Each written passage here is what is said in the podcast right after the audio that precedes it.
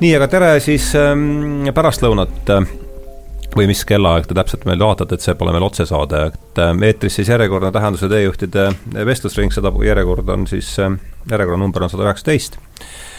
ja nagu ikka, stuudios kaks külalist, äh, tere tulemast, Lauri Järv, tere tulemast, Urmas Nagel. et olge head, öelge enda kohta paar sõna, enne kui ma juhatan sisse siis saate teema või mainin ära, et kes, alustame Urmasest. Mina olen siis Urmas Nagel ja, ja noh, pea, põhiametilt olen ma siis hetkel äh, meie luterlikus kirikus Räpina ja Mehhikoorma koguduse õpetaja. Ja noh, Räpinas juba nüüd kakskümmend üks aastat ja enne seda pea kümme aastat Hiiumaal vaimulikku tööd teinud. Äh, nii et see on nagu minu selline peamine amet olnud ja sellele lisaks olen ma siis äh, just meie kirikus olnud ka selliste vaimulike harjutuste tegija ja, ja, ja ka sissetooja natukene, olles siis õppinud erinevaid selliseid vaimulike harjutuste tegemise viise, retriite ja muud taolist ja, ja, ja meditatsiooni.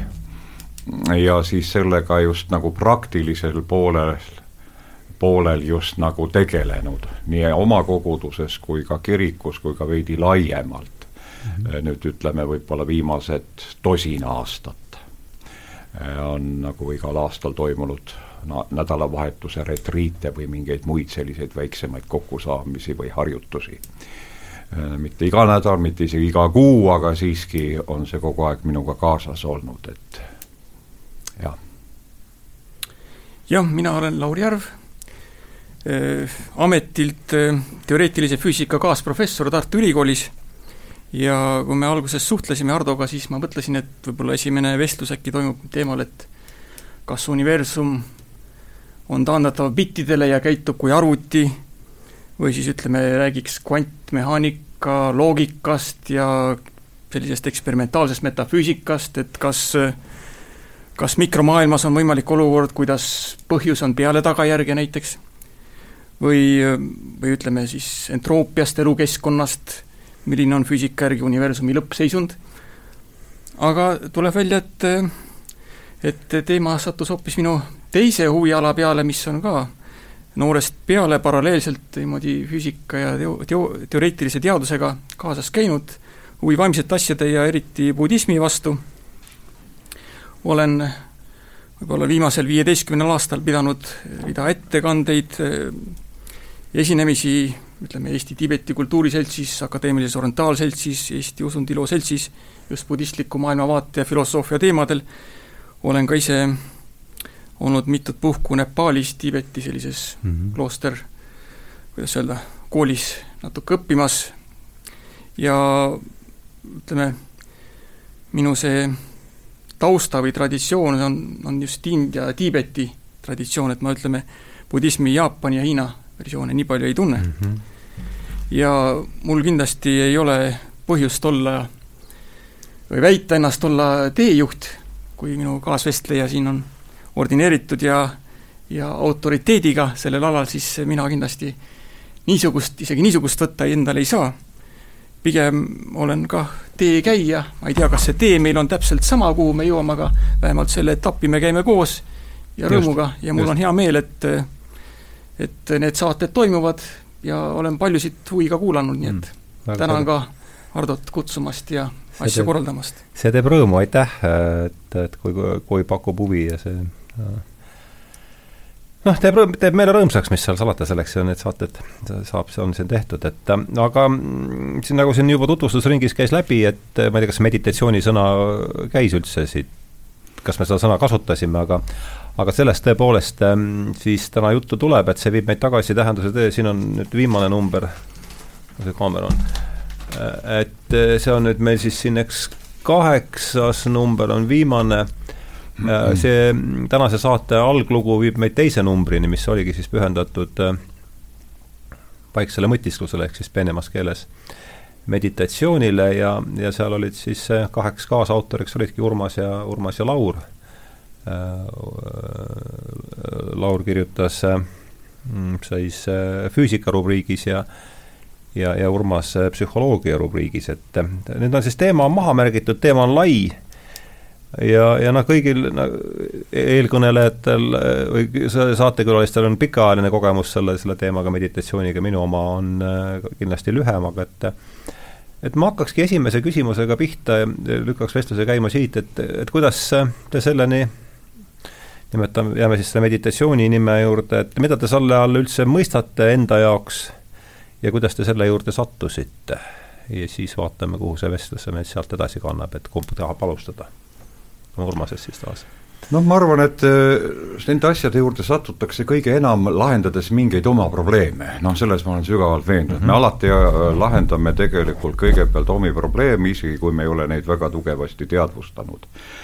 Ja teine moment on see, et, äh, et vaimulikuna olles ja päris intensiivselt teenistusi pidades, kas siis mitme koguduse peal või ühesõnaga palju Äh, palju jumalateenistusi pidanud, jutlusi kirjutanud ja nii edasi, tundus mulle üks asi selle, ühel hetkel see, et, et inimesed vajavad midagi veel, ehk selles mõttes, kuidas nad sinna sõna sisse nagu paremini läheks, mis aitaks neil süveneda, miks me ka kristlastena oleme jätkuvasti nii hinnangulised, nagu me oleme, miks me ei suuda oma egot siiski maha salata, kuigi Kristus ütleb, et jätke oma mina ja nii edasi. Ja, ja, ja kuna tekkis ka selliseid isiklikke kogemusi, et olin, olin Disee kloostris Prantsusmaal, olen seal mitu korda olnud, sai käidud Leedus ühe vana preestri juures, temaga palju räägitud ja nii edasi ja muid sellelaadseid kogemusi, siis mõtlesin, et peaks hakkama ka oma koguduses ja, ja me kirikus äh, Äh, siis äh, jagama seda, mida ise oled leidnud.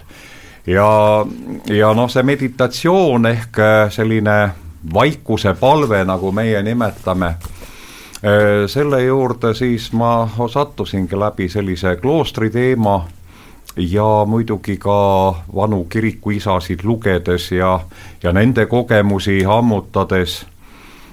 Ja, ja ühel hetkel oli niimoodi, et ma julgesin ise ka proovida äh, teatud harjutusi tehas, mida ma olin, mida ma olin siis ise õppinud või, või kogenud ka teistele ja siis ma käisin õppimas Soomes, äh, kus on äh, üks selline organisatsioon nagu Ilja Suudan, Suudan Ystävät, noh, nagu nimigi ütleb, siis Vaikuse sõbrad kes alustas siis selliseid eh, meditatsioone ja retriite Soome kirikus kuuekümnendatel aastatel, kui see niimoodi Inglismaalt Skandinaaviasse oli jõudnud.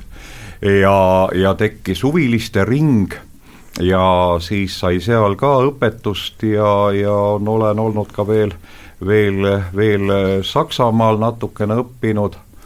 Ja mingil hetkel ka siis äh, professor Strekalovi juures, kus ma siis kaheaastase kursuse te-, tegin äh, ja, ja kirjutasin ka oma lõputöö siis, äh, mis oli siis teadvuse ja transpersonaalse arengu küsimustes.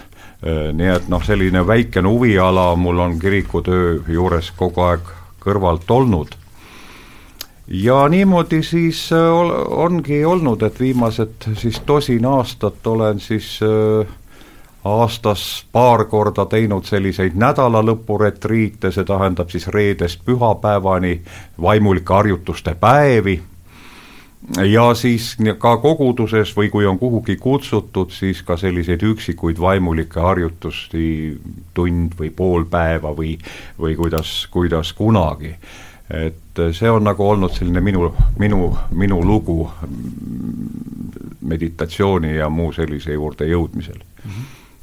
-hmm. ma tahaks võib-olla kõigepealt alustada sellest mõistest, et mm -hmm. tihti budoloogia ja budismi siin tõlkimise juures me oleme hädas, kuidas mõisteid tõlkida ja tuleb välja, et sellel mõistel meditatsioon sanskriti või algkeeltes vastet ei ole mm. -hmm. ja eriti on keeruline, kui kui keegi on inglise keelest äh, võtnud selle meditatsioon ja siis me ei saa täpselt aru, millest ta räägib täpselt, sest ei ole selge, mis on see vaste. ja võib-olla vaataks üldse laiemalt, et kõik need noh, mõisted, religioon, filosoofia, teoloogia, müstika, skolastika, meditatsioon, kontemplatsioon, need on haagitud lääne traditsioon ikka sinna ladina mm, kreeka-ladina omasse. ja noh, mõnikord räägitakse näiteks budistlikust teoloogiast.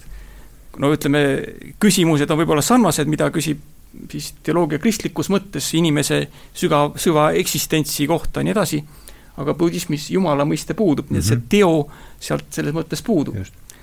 ja asi võib päris noh, absurdseks minna, et mõtleks korraks, et Tartu Ülikoolis on Eh, usuteaduskond ja distsipliin on teoloogia, aga sama hästi võiks ju olla seal näiteks dharma teaduskond, dharma on selline keskne mõiste India eh, ütleme siis filosoofis, religioossetes süsteemides, me ei peaks, me ei peaks üldse me jagama seda religiooniks ja filosoofiaks, vaid ütleme, kas on, kas on mingi asi on dharma või mingi asi on mitte dharma ja uurima seda.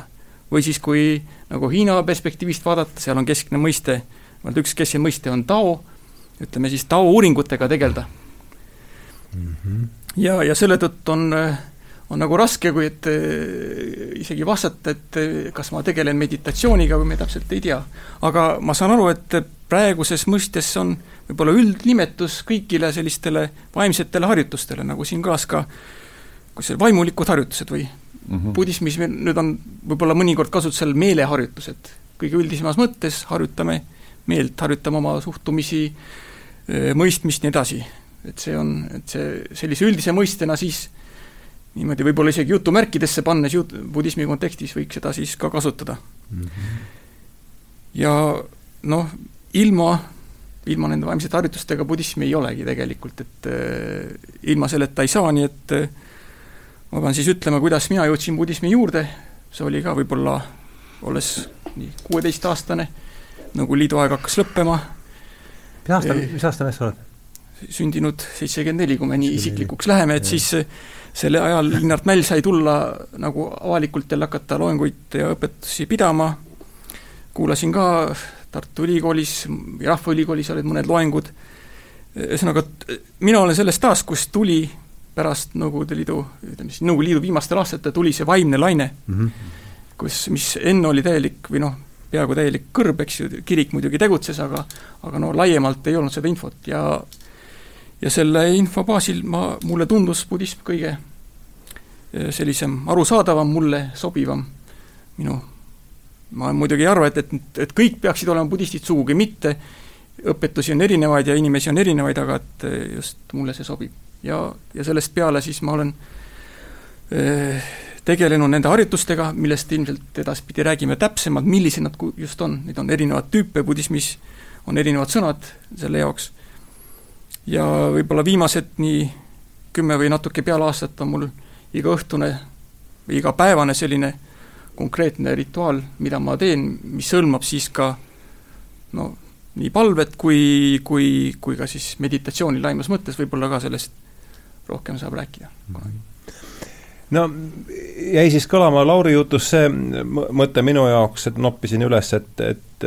kui me nüüd, ja see on minu arust väga mõistlik mõte, et kui me millestki räägime meditatsioonist, et siis natukene piiritleda, mis see, mis see on ja ja, ja, ja Lauri jutust ma noppisin üles selle, et see oleks olla üldnimetus mingitele vaimsetele harjutustele siis, eks, sõltuvalt sellest, mis nad aga, aga võib-olla mulle tundub, et sealt vaimseid harjutusi on äh, et kas seal see defineeriv tunnus ei ole kusagil ikkagi see vaikuse aspekt või et kas me peaks talle kuidagi läbi vaikuse äh, küsimus lihtsalt, et, äh, et mis, mis te et kas, et kas seal, kas nende vaik-, et kui me nüüd veel hästi, et võtame selle, see on üldnimi mitmesugustele vaimsetele harjutustele, et et kas me peaksime seda vaimsete harjutuste kogu hulka veel kuidagi piirama sellega, et tooma sinna sisse selle vaikuse mõõtme.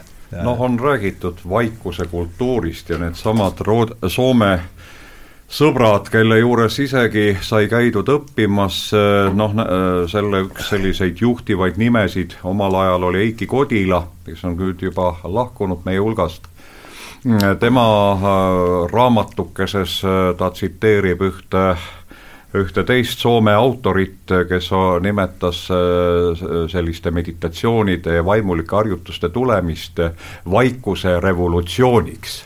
Ja noh, äh, lääne inimesele omaselt äh, see, ta rõhutas eriliselt seda, et noh, kui meid ümbritseb mürakultuur, noh, mida ka sageli kasutatakse, siis et sellele vastu seista ei piisa ainult sellest, kui sa seda teoreet-, teoreetiliselt tutvustad või, või, või räägid, et sellised asjad on olemas, vaid et noh, et seda jõulisemalt nagu tuua ühiskonda, siis, siis kasutati isegi sellist terminit vaikuse revolutsioon, noh muidugi, muidugi õnneks ta ei järgi kõikide revolutsioonide tavalisi teemasid, instrumente ja saatust, aga aga põhimõtteliselt see sõna vaikus on seal väga oluline, sest sest kui, kui vaikid, siis on kuulda kui ei vaiki, siis ei ole midagi kuulda.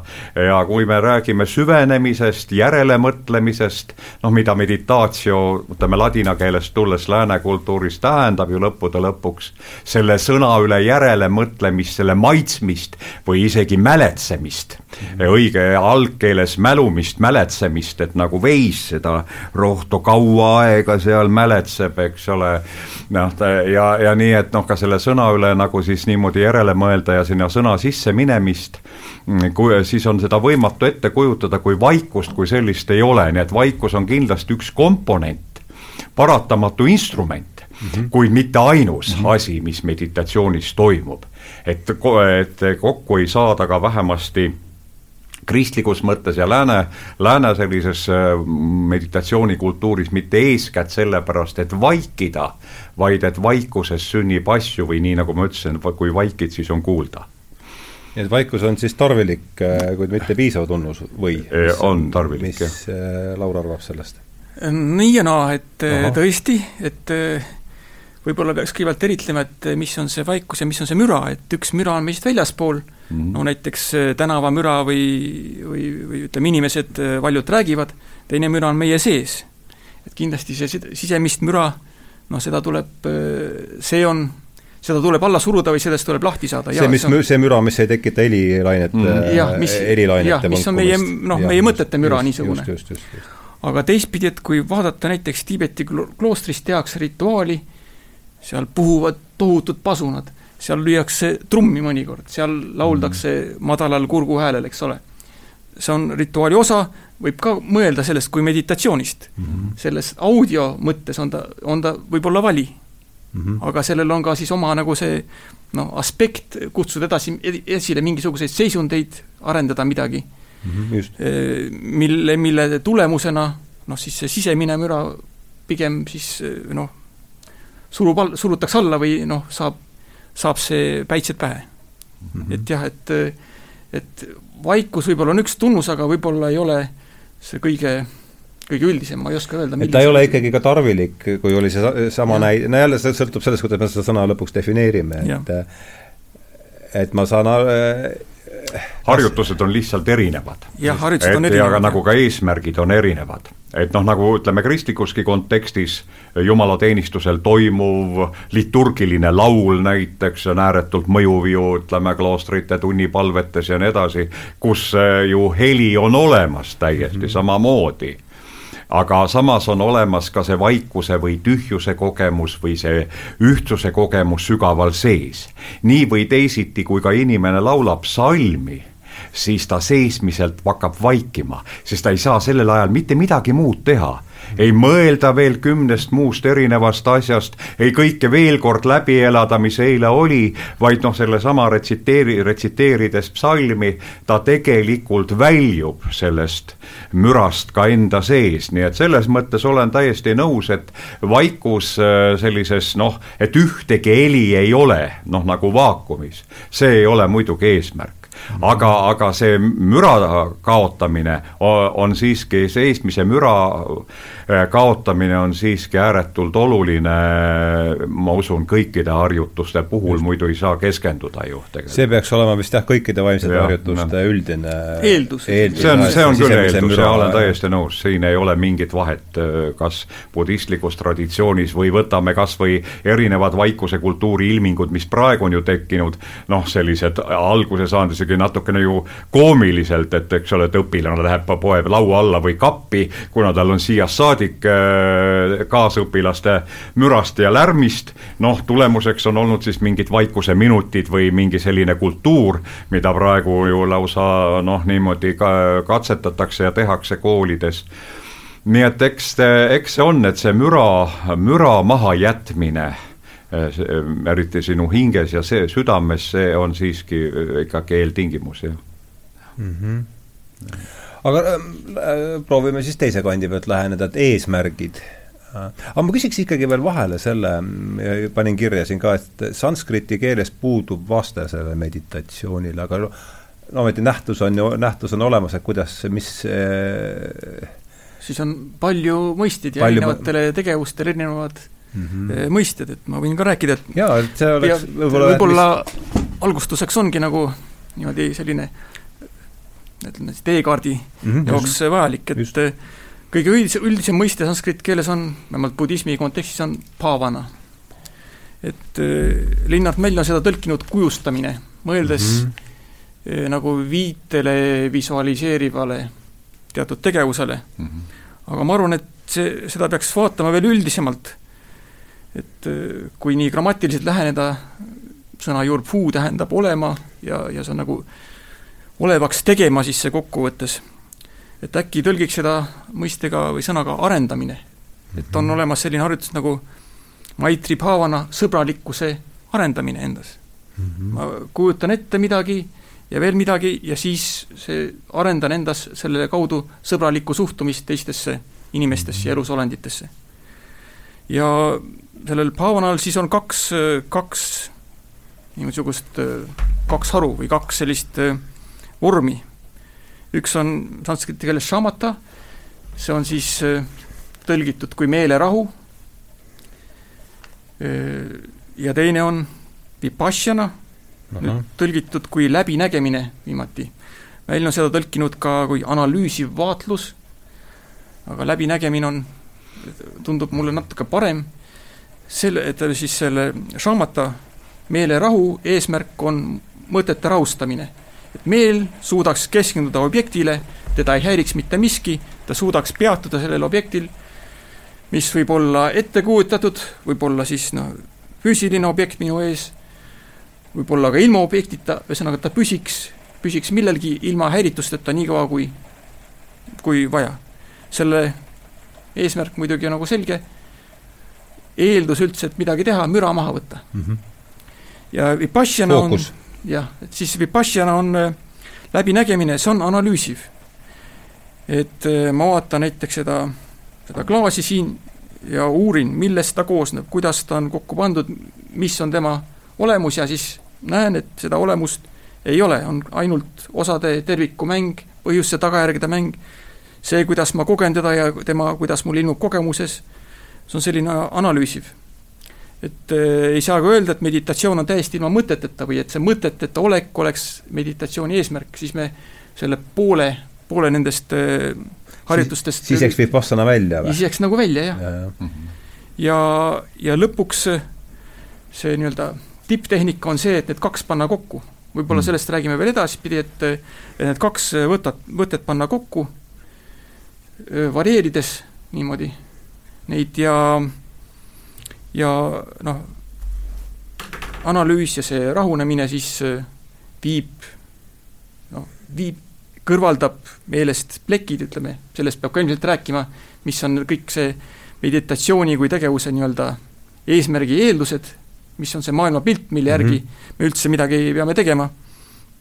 aga need on need kaks, kaks põhilist, põhilist vormi, mida siis Samatha ja Vipassana mm. -hmm. ja see katusmõiste oli siis paavana, paavana, jah, mis tähendas kujustamist ja, ja, ja arendamist? ütleme, arendamine, jah mm. -hmm kuidas see haakub nüüd kristliku traditsiooniga, et kui üritada siin mm. nagu selliseid traditsioonide vahelisi sildu või, või üle kokkupuutekohti leida, et kas, kas on niimoodi, vähemalt siit ma lugesin, et kristlikus traditsioonis on meditatsiooniks nimetatakse kontemplatiivset äh, palvet? no tegelikult see koosneb nagu ütleme, sellised kloostri traditsioonis, eriti Püha Benedictus tõi sisse siis äh, oma see kuulsa hüüdlause Hora et labora, palveta ja tööta, aga sealt edasi siis selles palvekultuuris on nagu eristatud neli astet, on siis kõigepealt lugemine, lektio, kuna me usume, et Jumala sõnas ilmutab ennast, ilmutab Jumal oma tahtmist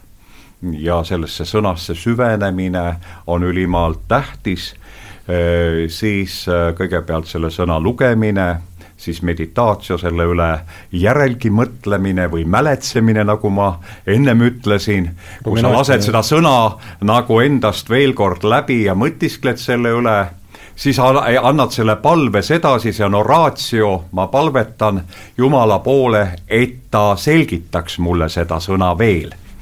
Edasi -hmm. ja lõpus on siis contemplatio, mis tähendab siis noh, seda kõrgemat vormi, kus ma vaba, olen vabanenud juba, lasen lahti kõigist nendest mõtetest, mis mul tulid, nendest piltidest, mis mul selle teekonna keskel eh, silme ette tulid. Ja, ja, ja lase, olen lihtsalt eh, noh, kui ta nagu kirikukeeles öeldakse, olen langen Jumala kätele et lihtsalt olen äh, selles, äh, tunnen seda suurt ühtsust ja, ja osadust siis kõige kõrgemaga Jumalaga nii et noh, ega ta selles mõttes sellised elemendid on, on tegelikult, ma usun, kõikides suurtes religioonides olemas, aga, aga noh, ristiusus paratamatult on see, et esiteks kõik algab sellest, et me usume, et sõltumata ükskõik, mida meie oleme teinud, oleme me lunastatud Kristuses. mitte meist ei ole see, vaid Kristuse pärast. ja kogu meie selline äh, palvekultuuri eesmärk on, on tegelikult äh, see lunastus noh, nagu võtta vastu, teha see enda omaks, mõista seda, äh, lubada Jumalal tegutseda oma südames no see on nagu selline meie selline lähenemine. traditsioonile omane, rohkem omane või kogu kristlikule traditsioonile? no kristlikule traditsioonile, sest äh, luterlikule traditsioonile võiks öelda niimoodi, et äh, luterlikus traditsioonis me taasavastame neid vaimulikke harjutusi ja, ja pro-, ja põhjus on väga lihtne. see on olnud pikki aegu põhiliselt kloostrite pärusmaa. See on olnud edasi jõudnud professionaalidele, asjasse pühendunutele mm, -hmm. nemad on teinud omad äh, tunnipalvused, meditatsioonikavad äh,, äh, harjutused ja, ja noh, teistele nagu äh, ilmalikule inimesele või, või siis ütleme, koguduse tavainimese ülesanne oli teha tööd ja osaleda jumalateenistusel ja, ja nii edasi. aga, aga noh, see muutus on tulnud muidugi eriti kahekümnendal sajandil kus, kus äh, küsiti väga jõuliselt, et miks see peab olema ainult väljavalitute tee, äh, süveneda, keskenduda, vaimulikke harjutusi teha, kui ometigi võiks see kuuluda kõikide juurde. kõik inimesed vajavad äh, paremat oskust süvenemiseks, mõtestamiseks ja nii edasi, teed Kristuse juurde ja, ja see, ja siis see tähendas ka seda, et need harjutused, nagu võiks öelda, pääsesid kloostrist välja või noh, neid on hakatud tegema kõikjal.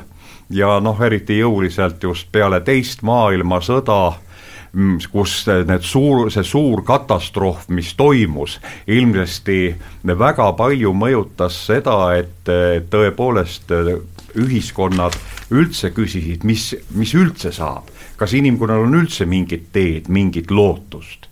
kuidas nüüd äh, uuesti inimest äh, tasakaalustada, stabiliseerida ja, ja, ja niimoodi siis need, äh, neid harjutusi on hakatud tegema ka mujal, kaasa arvatud siis Luteri kirikus jälle mm. -hmm. mis on noh, muidu sajanditevaheline traditsioon, aga algus on kõik tulnud kõrbeisadelt. just kes siis läksidki Heraklusse, et seal mis on siis... omakorda kloostrikultuuri jah, ja ka kloostrikultuuri algus on sealt saanud ja tegelikult ka selliste vaimulike harjutuste mõte ja mitmed ka sellised äh, otsesed õpetused ja juhtnöörid viivad tagasi siis kõrbisadeni kolmandast-neljandast sajandist nii et seal on tegelikult need juured.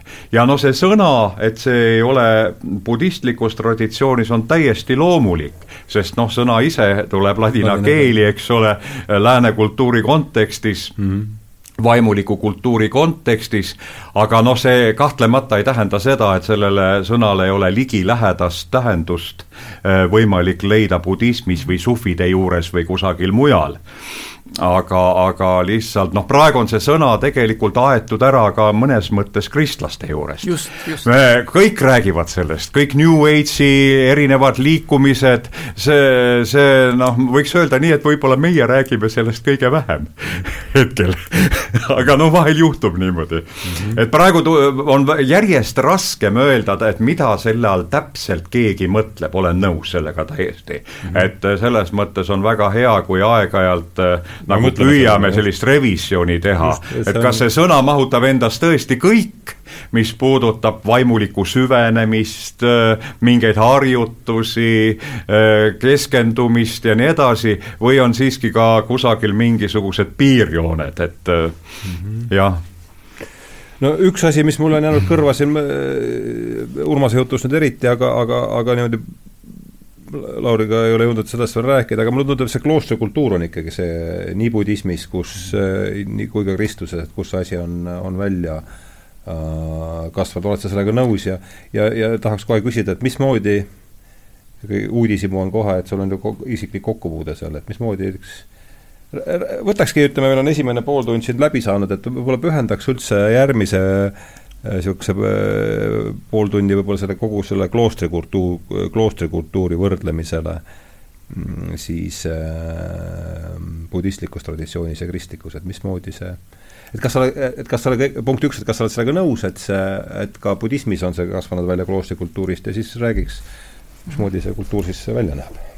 jah, ma tahaks tegelikult tulla kõigepealt Urmase ja. Äh, mõtte juurde, et siin oli vist see lectio ratio meditatio ja oratio ja kontemplatio. jah, mhm. et eh, budismis on väga hea vaste sellele või nagu, et on, kõigepealt on vaja noh, see traditsiooniline mõiste on kuulamine, eh, infot saada mm, -hmm. et eh, vanasti no lugemist oli, lugemisvara oli väga kallis, aga aga lihtsam oli no kuulata mm, -hmm. kuulda, kuulata õpetust. et kõigepealt on kuulata, vaja sai see nagu kätte saada, siis teine samm on järelemõtlemine no see on peaaegu ju täitsa jah, see on täiesti niimoodi, võiks olla siis äkki selle medi-, meditatsiooni vaste, jah. ja vot siis, siis kui on nagu järele mõeldud endale, endale selgeks, vot siis tuleb see paavana, siis tuleb see arendamine.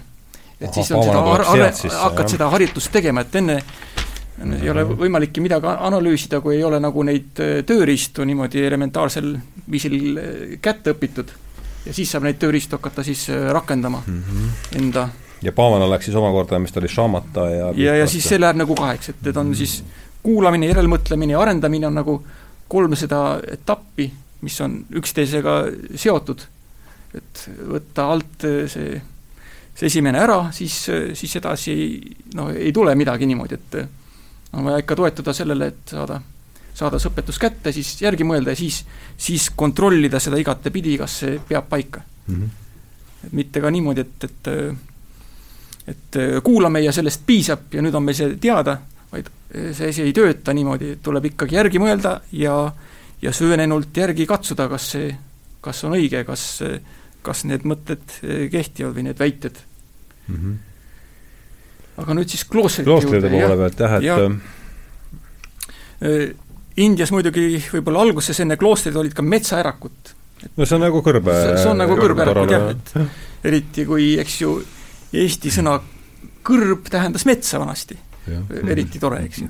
et äh, ja noh, siis need metsaärakud arendasid välja tõesti erinevaid äh, erinevaid selliseid, ütleme, vaimseid tehnikaid, millest äh, ja kus Buda oli ainult üks õpetaja tol ajal, ütleme siis aastal viissada enne meie aega umbes, noh, pluss-miinus sada, see on üsnagi eba, ebaselge ja, ja muidugi arenesid äh, kloostrid, mis äh, ei olnud ainult sellised vaimse keskuse, ütleme, medi-, meditatsioonikeskused, vaid äh, seal ka õpiti, see oli nagu noh, põhimõtteliselt võib neid India suuri budistlikke kloostreid pidada ülikoolide ees, eelkäijaks. Et see on siis noh, ütleme aastast viissada meie ajal, meie aega, need olid seal kümnete tuhandete õpilastega, kes jäi mm. õpetatud seal mitte ainult budismi, vaid olid üldised teadused, ma ei tea, seal arstikunst, matemaatika võib-olla mingil määral, grammatika, keeleteadus arendati no üldiselt. ja noh, selleks, et siis paremini ütleme, tõenäoliselt olid need küllaltki lärmakad kohad ka, mhm. noh, kujutame ette, siin mhm. kümme tuhat, kakskümmend tuhat, noh, noor, noort noh, nagu üliõpilaste värk, et et pigem siis selleks, et neid harjutusi süvenenult teha, tuli minna ikkagi jälle tagasi metsa kuhugi Eraklasse mm. -hmm. ja, ja kindlasti noh, see süsteem nagu toimib, et on emaklooster ja sellel on omad mingisugused väiksed harud siin ja seal, kus siis saab ka olla vaiksemalt, võib-olla budismis, Tiibeti budismis on näiteks, et noh, üks nii-öelda kvaliteedimärk on mõnes koolkonnas vähemalt on äh, kolmeaastane eraldus. sa oled saanud need õpetused kätte ja nüüd kolm aastat oled eraldi, ei suhtle kellegagi, oled kuskil kas seal koopas või mingis onnis või niimoodi. kolm aastat ikka täiesti oma täiesti jah, ja noh, no võib-olla seal no. juhtub midagi, et keegi toob süüa ja, või aga niimoodi. põhimõtteliselt ikkagi taotlus on aga üksi. põhimõtteliselt on ikkagi, et oleksid nagu kolm aastat. jah, et see on siis, on, on teatud nagu selline programm. et ka jällegi, et ja noh, kõik kloostrielanikud kahtlemata Tiibeti traditsioonis ei ole need, kes kahtlemata seal mediteerivad või noh, on siis nii-öelda vaikuses ja istuvad ja ei, ei liiguta, vaid et vaid et ka nendest on siis nii-öelda üksikud, kes, kes lähevad süö-, süü-, süö-, süö-, süvenenult või süva, süvateed mm,. kloostritest ma võib-olla räägin ühe toreda juhtumise, mis mul ja, oli. väga vahva oleks. et see juhtus hoopis Jaapanis, ma olin teaduskonverentsil, enne äh, hommikul läks varalend, ma ei võtnud äh, hotelli lennujaamas, vaid võtsin kuskil lähedal asuvas linnakeses, äh, noh, odav koht oli. Läksin hotelli, selles suhtes, et tuli välja, et ei ole mingi hotell, vaid on kellegi nagu suurem korter, kus ta siis tubasid välja üürib. seal oli peremees ise, keegi hotelli külastaja ja noh, siis mina olime kolmekesi. ja õhtul peremees küsib, et, et kas mulle meeldib mediteerida. ma mõtlesin, et no ehmat-, ehmatasin ära, et mis see nüüd siis inglise keelest või? jah, inglise keeles, et ma jaapani keelt ei valda, et, et mis see siis nagu tähendab, aga ma mõtlesin, et noh, et jah, et ma, mulle meeldib nagu küll ja et ma oskan seda, jah ja siis ütles, et ole valmis, veerand tunni pärast istume. ja oligi, et kell üksteist õhtul istusime seal tatami peal maha, nemad olid siis nii-öelda põlvili asendis, nagu jaapanlased, mina olin rohkem lootusasendis, kui ma olin harjunud. ja olime, istusime vaikselt, et ja saime väga hästi nagu hakkama. et, et ei ole ainult see meditatsioon, ma arvan, olnud kindlasti nendes kloostrites, vaid olnud ka laiemalt, aga siis mitte niimoodi igal pool mm. -hmm. et alati kõik kloostriarnikud polnud need, kes tegelesid nende vaimsete harjutustega ja vastupidi ka, ka siis väljaspool kloostrit tegeleti meil nende vaimsete harjutustega, aga noh, traditsioon on siis levinud niimoodi nii ja naapidi, et mm. see on lo-, loeb see, mis on sinu enda kogemus mm., kes on õpetaja, et äh, eks muidugi, kui on maal vaja talutööd teha, siis no väga, väga sellist, võib-olla sellist vaimset paralleeltegevust arendada ei saa, aga keegi peab selle, selle vaimse tege-, tegija siis nii-öelda ülal pidama jälle mm. -hmm. räägi sa, Urmas, ka palun oma, oma kokkupuudetest äh, selle kristliku kloostrikultuuriga ja, ja selle pinnalt võib-olla mingeid selliseid üldistusi või? no see on ka väga, väga kirju, aga samas äh, ta on muidugi märksa ilmesti tõ-, tõsisemalt piiritletud, et et on olemas siis sellised konkreetsed laialt levinud reeglid kloostritele, kas siis Basileus Suure või Benediktuse reegel, mille järgi siis äh, need kloostrid on äh, üles ehitunud. Ja üks peamine roll, nagu ma siin juba ütlesin, Ora et Labora palvetaja tööta, siis tähendabki seda, et füüsiline tegevus peaks äh, siis vahelduma lugemise ja tunnipalvetega ja, ja kloostris on siis iga natukese mõne tunni tagant siis teatud tunnipalvused, kus kogunetakse, jäetakse kõik asjad siin, sinna paika, tullakse siis sõna juurde ja, ja lauldakse ja loetakse psalme, psalm on siis noh, psalmide raamat on siis nagu piibli palveraamat, mida siis kõik kloostrid siis ka kasutavad ja, ja kes sellises noh, nagu tugevama traditsiooniga kloostrites siis nädalaga kõik need sada viiskümmend psalmi ka siis palvetatakse läbi nendel tunnipalvustel sealt oleme meie võtnud näiteks, kui me oleme teinud neid retriite just selle, nende nädalalõpu retriitide puhul tunnipalvuste süsteemi, see tähendab, et neli korda päevas siis to-, koguneme samuti siis kahekümneks minutiks, kolmekümneks minutiks palvusele. siis vahepeal on vaikusehetked ja vahepeal on siis ka erinevad vaimulikud harjutused nii et kloostrites on olnud ja noh, muidugi kõige selle alatine ka see noh, katoliiklikus maailmas muidugi missa ehk äh, jumalateenistus, äh, missa ohvrist osa saamine, et see on noh, muidugi ka päeva, igapäeva selline oluline, oluline aspekt. Mina ise olen äh, olnud jah, nagu ma ütlesin, Leedus käinud ühe vana preestri juures, kes on üks tuntumaid omal ajal Leedu kõige väiksema koguduse preester, siis ta pandi sinna ära, et ta ei segaks mitte kedagi. aga noh, selles tal, noh tema juures käisid kõik, kogu Venemaalt kuni noh, Solženitsõn on seal kirjutanud mõned omad teosed ja nii edasi.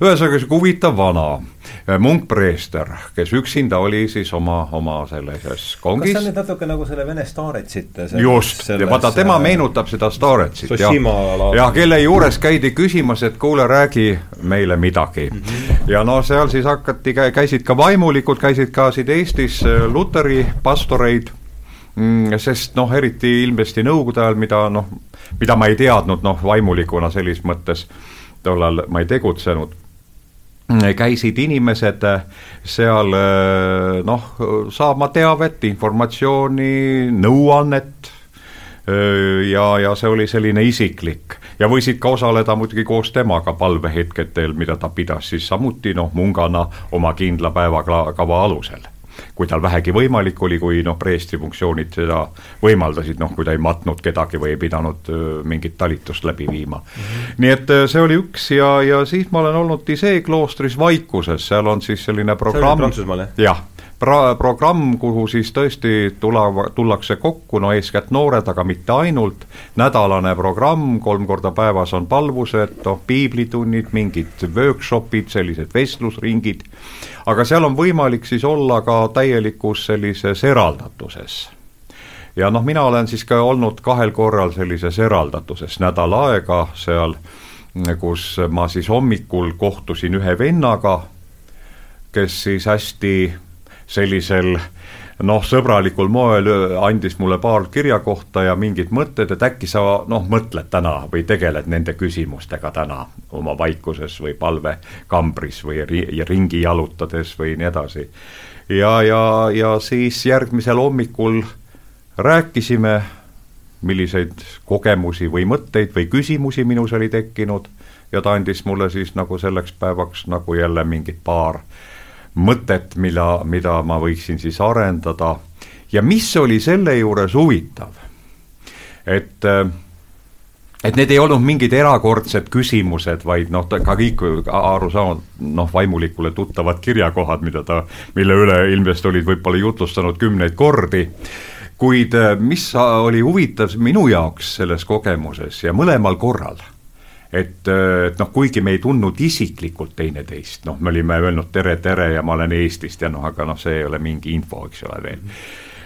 Need iga kord olid need väga tabavad minu jaoks, just nende asjadega ma tegelikult sellel päeval ja sellel nädalal tegelikult pidingi tegelema.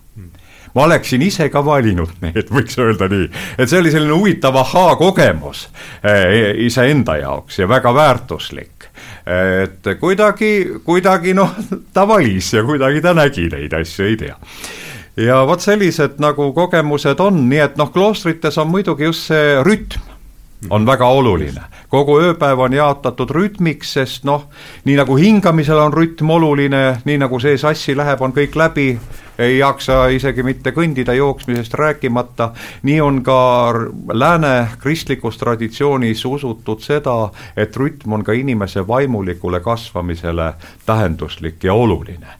See tähendab nii need noh, palvused kui ka siis mõned muud harjutused. Ja muidugi kloostrite puhul enamasti ka rõhutatud füüsiline töö, aga see on ka mõneti paratamatu olnud, sest nad vähemasti kahekümnenda sajandini pidasid ju ennast ise üleval, nüüd on asi keerulisemaks läinud.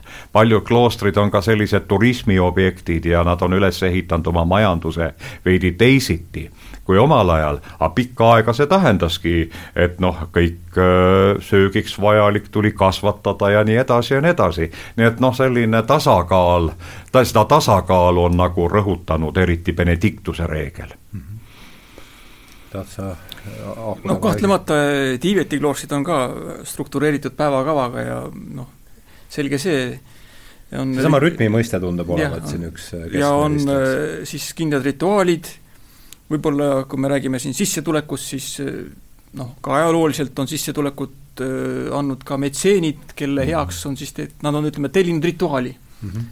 no kas ütleme, mingisuguse tegevuse õnnistamise jaoks või keegi on lahkunud, noh, nii edasi, et, et neid rituaale on päris palju ja siis äh, suur osa päevast kulub ka sellisele rituaalsele, et ja võib-olla olekski huvitav rääkida, kuidas see Tiibeti rituaal nagu välja näeb, et et enamasti või nende jaoks on selline tekst olemas, on niisugune vanasti Indias kirjutati palmilehtedele ja siis Tiibeti raamatud on ka sellised piklikud lehed, niimoodi nagu noh, kuivanud palmilehed, sellised piklikud mm., nii. Ja seal on siis kirjas täpselt, et põhimõtteliselt rituaal siseneb nagu selle teksti ettelugemises.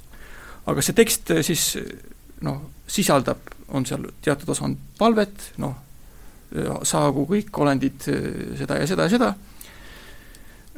ja siis on teised, et mida tuleb ette kujutada.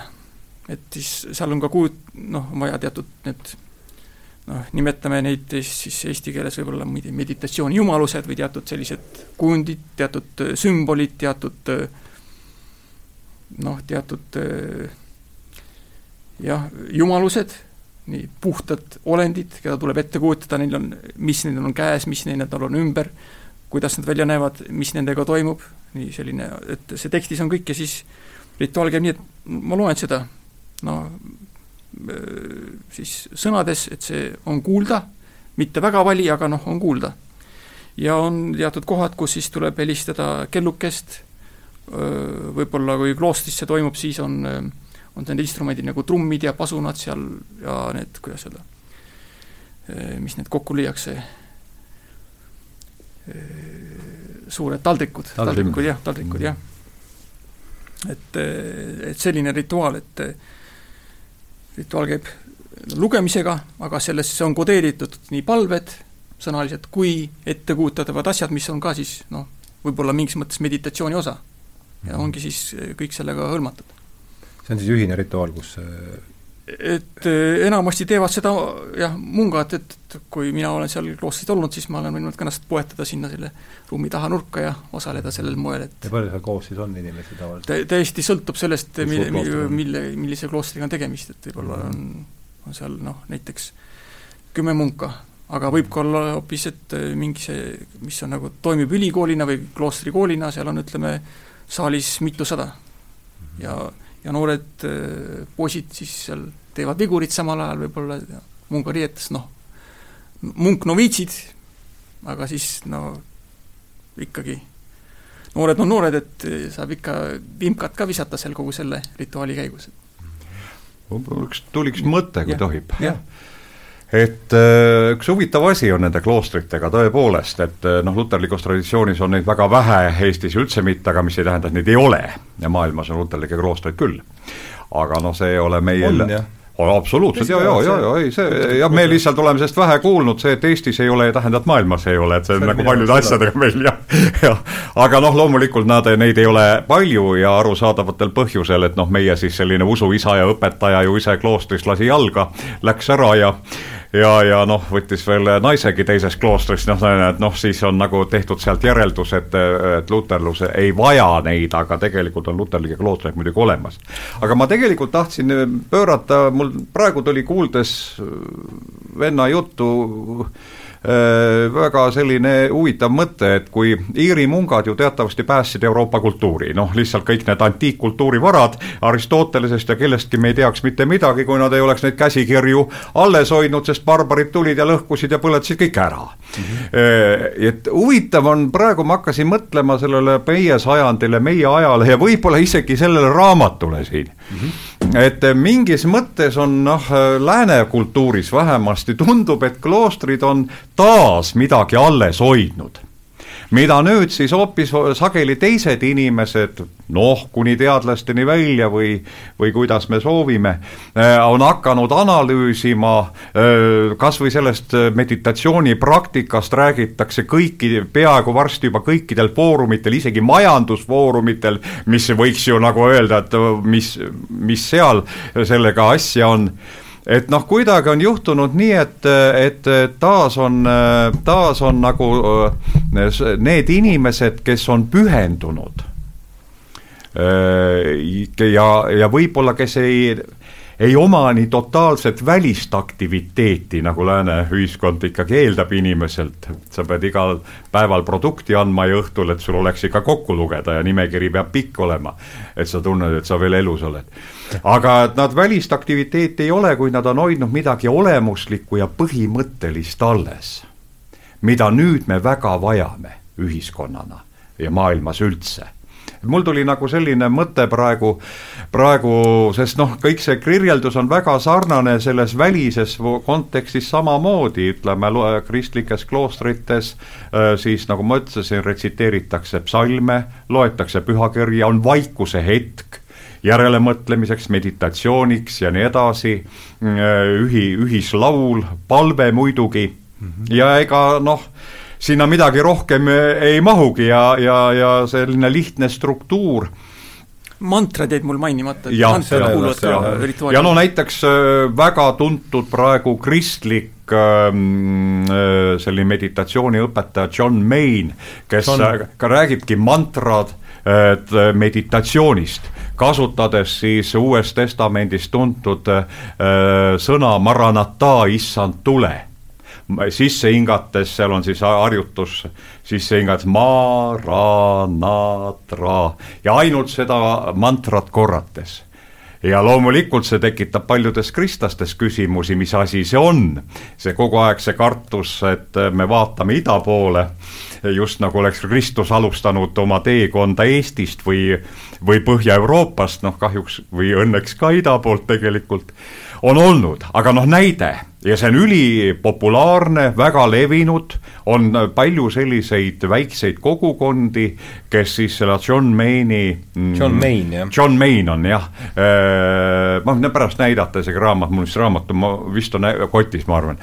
Äh, näiteks kasutab ja seda äh, nimetab ka ise mantra traditsiooniks, mis kahtlemata ei ole jälle lääne kristliku kultuuri sõna mm. -hmm. nii et kusagil on tekkinud need ühiseid otsinguid, eriti pärast teist Vatikani kirikukogu, kui katoliiklastel üldse lubati mõelda sellisele sõnale nagu oikumeenia Mm -hmm. ja, ja neid, neid otsinguid on ja, ja ühisseminare ja kõike juba maailmas korraldatakse.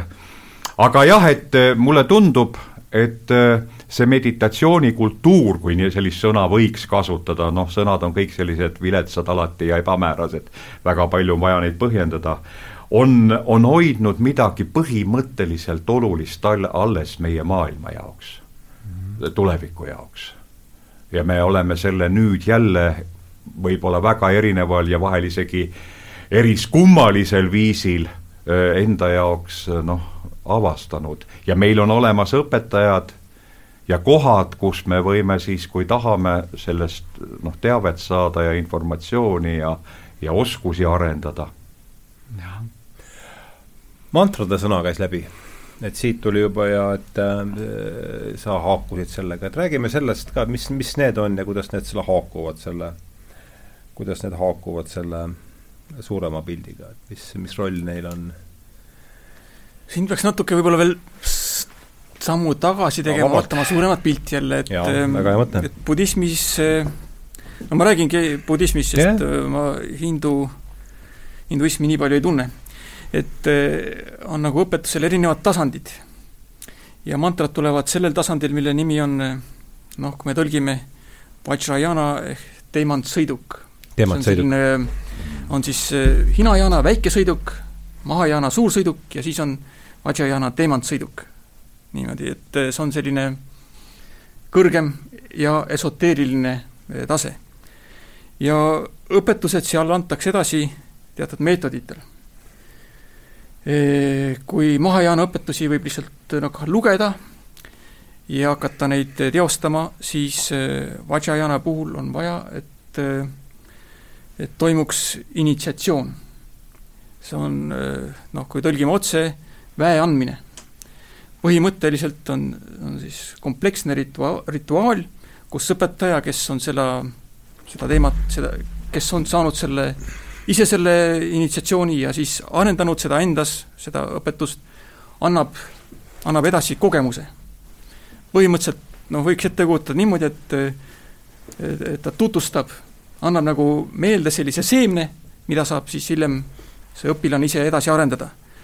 või teistpidi, et kuna need on seotud teatud selliste noh, juba siin see jumaluse nimi käis läbi, teatud sümbolitega, siis kes on ise tuttav selle sümboliga, siis annab selle edasi või tutvustab.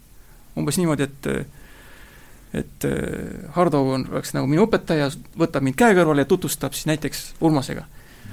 nii, ja siis, ja siis ma saan seda ja Urmas on noh, püha ja nagu selline täiuslik sümbol, siis ma saan seda endas ise arendada ja mantrad käivadki enamasti mingisuguste nende jumalustega kaasas. et on kas see sõna oli, mida kasutas, oli ülekanne eestikeelne vaste või? mina olen kas käis see sõna läbi praegu või? ma, Tiibeti keeles on see vankur, ma tõlgiks selle kui väe edasiandmine. väe edasiandmine, just, just, just, just mm. -hmm. vägi on siin nagu väga laias mõttes on niisugune teatud noh, vaimne vägi. Ja siis siis on siis see vats-, vastav rituaal, näiteks noh, võtame konkreetse näite, Vajrayanas on selline jumalus või bodhisat-, bodhisattvast saanud nagu jumalus, Manjushri, tarkuse kehastus. nii, siis äh, ma olen saanud selle püüdluse, et lugeda seda mantrat või initsiatsiooni ja siis ma võin, mul on antud ka tekst, see rituaaltekst, sanskriti keeles selle nimi on sadhana, et mitte isegi saatanaga, vaid et see on hästi hoopis, tuleb sõna juurest, ma ei tea, saateh ja kust tuleb see sitha ja kõik sellised, et saavutama, saavutusmeetod või selline teostusmeetod on see tekst. ja selles tekstis siis ma noh, kõigepealt sisenen Buda, Dharma ja Sangha kaitse alla, nagu budistlik kõik praktikad üldse, teatud palved, et miks ma seda teen, motivatsiooni tõstmine, et ma teen seda harjutust kõigi olendite heaks, et arendada endas neid omadusi, ja siis, kuidas ma kuustan, kujutan ette seda jumalust enda ees näiteks, ja siis hakkan lugema mantraid ja sellel on, on siis hoides käes palvehelmeid, niimoodi iga mantraga siis loen neid äh, häälega vaikselt, mitte, mitte kõvasti ja mitte ka ütleme, noh niimoodi, et kuulda ei ole, et ütleme niimoodi, et kui minu õlal istuks väike mehike, siis ta kuuleks, mida ma mm -hmm. ja, ja loen seda mantrat ja ja siis noh, rituaal siis pärast lõpeb, et see, saadan selle jumaluse jälle tema oma nagu asukohta sellises kõrgemas mingis eh, kuuteldavas sfääris, nii edasi, ja need mantrad on erinevad, igal, igal jumalusel on erinev, eh, ütleme, kui me nüüd püüame niimoodi ka siin natuke teaduslikus mõttes äh, reflekteerida, et mida see teeb. et see ilmselt äh, aktiveerib teatud äh, ajuosasid erinevalt. et on see Manjushi, kui on ta tarkuse kehastus, tema mantra Om Marapatsanati, on väga selline nagu terav, teeb mõistuse teravaks. noh, kui lugeda seal selle rituaali käigus seal ütleme, ühel õhtul, ma ei tea, seal kaks tuhat korda, kolm tuhat korda, võib-olla siis teha nagu järjest sada tuhat korda, siis, siis hakkab natuke juba mõjuma. Hmm.. aga on ka teine, on see on siis kollane Manjushri on see tarkuse jaostus, aga siis on ka olemas näiteks valge Manjushri, mis on nagu mälu, siis teistpidi, et natuke teine mantra ja mõjub natuke teistmoodi, et ütleme siis toetab mälu no jällegi seda püüdes nüüd kuidagi panna kokku sellist traditsioonilist pilti ja teaduslikku pilti, et või nagu teaduslikumas mõttes reflektsiooni, mida see, mida see teeb, et ähm, et ühelt poolt arendab seda edasi antud kogemust, mis rituaali käigus edasi anti, ja teistpidi siis süvendab, süvendab seda, süvendab seda niimoodi. et siin Mõtleme, ilmselt saab jah. kindlasti palju paralleele tuua selle mm -hmm. initsiatsiooniga mitmetes erinevates religioonides mm. -hmm. no Kristus on hästi levinud, on see Jeesuspalve. just mis ka siis nagu tuleneb kahest kirjakohast, üks ta-, Taavet, halasta Taaveti poeg mu peale, Markuse evangeeliumis, pime Bartimeust, kes tahab terveks saada, ja teine siis seda kuulsa Tölneri ja Variseriga lugu, et halasta mu patuse peale. ja noh, seda mantrat Jeesus Kristus, Jumala poeg, halasta mu patuse peale, korrates siis toimub nagu kaks sellist teemat Eh, mis viitavad siis olulisele mõttele kristlikus sellises meditatsioonis ja palves. see tähendab ühelt poolt eh, üleskutset meeleparandusele, ilma milleta ei ole võimalik inimese areng ja edasijõudmine, ja teine väga oluline komponent selles on tervenemine. Mhm. meil on alati, me oleme alati mingis mõttes haiged meil on küljes väga palju haigusi, mitte ainult koroonagripp ja, ja südame- ja veresoonkond, vaid noh, meil see tervenemine, et me, et me suudaksime vastu võtta seda sõna ja see sõna meie südames, Jumala sõna meie südames teeks oma hea töö et me oleksime vabad tema jaoks.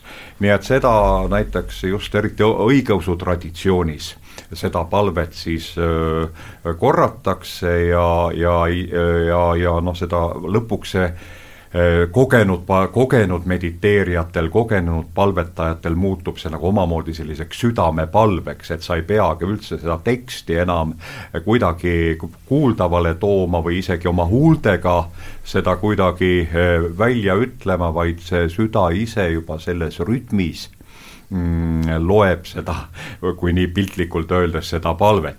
et see on üks võib-olla tuntumaid kristlikus traditsioonis, aga just, et siin on see meeleparanduse, tervenemise ja selles mõttes noh, ikkagi kui Kristust silmas pidada, siis armustuskäsu täitmine, kaastunne nõrgema vastu see suurema ühtsuse saavutamine ja tunnetamine ja selleks, et suuremat ühtsust tunnetada, peaksid sa seda kõike nägema natukene veidi kõrgemalt kui argitasand mm. -hmm ja noh, sinna meditatsiooni laskumine ja selles palves olemine, seda võimaldab sulle. et sa ei ole nendest oma egost ja müradest niivõrd täidetud, et sa äh, hakkad lahendama ka äh, noh, tegelikult suuri probleeme äh, ainult oma ego tasandilt, aga noh, siis sa räägid ainult iseendaga. et tekiks selline kõr-, suure, sügavam ja kõrgem pilk. nii et see on ka olnud alati sellise krist-, noh, vähemasti kristliku meditatsiooni üks, üks, üks mõte ja tähendus mm. -hmm. tahad midagi lisada kuuldule?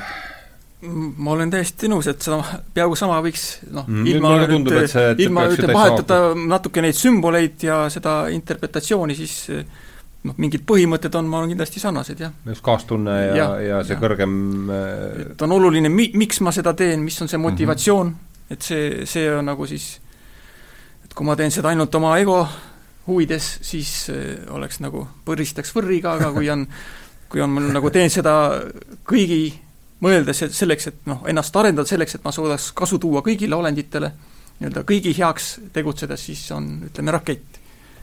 noh, selline, et äh, motivatsioon ja ka siis ütleme, see, see no ikkagi peab olema mingi ülekanne, et ma ei, ma ei lihtsalt ei, ei loe seda, vaid ma olen saanud elusa, elusa kogemuse sellest. noh, selle kõige taustal on, et eks ju, meel algselt on puhas, aga seda katavad sellised meeleplekid ja pained. ja eesmärk on nendest vabaneda, aga siis noh, korraks on vaja näha seda, seda puhast mingi, mingis kogemuses ja siis saab ja, seda edasi arendada, et, et et see see on ikkagi mingi muutunud teadvuse seisund, kus Jah. me siis seda puhast, puhast meelepilti püüdlus kor- selle poole jah, korraks taban seda ja siis mm. -hmm. siis meenutan seda ja arendan seda edasi, umbes niimoodi. Ja noh, see teadvuse muutumine, see, mis sa sõid sisse, see on noh, väga õige sõna, sellepärast et no milles on ju tegelikult probleem. ja noh, paraku see võib olla ka usuelus. et mm -hmm. seda ei maksa nagu nii kohutavalt eristada.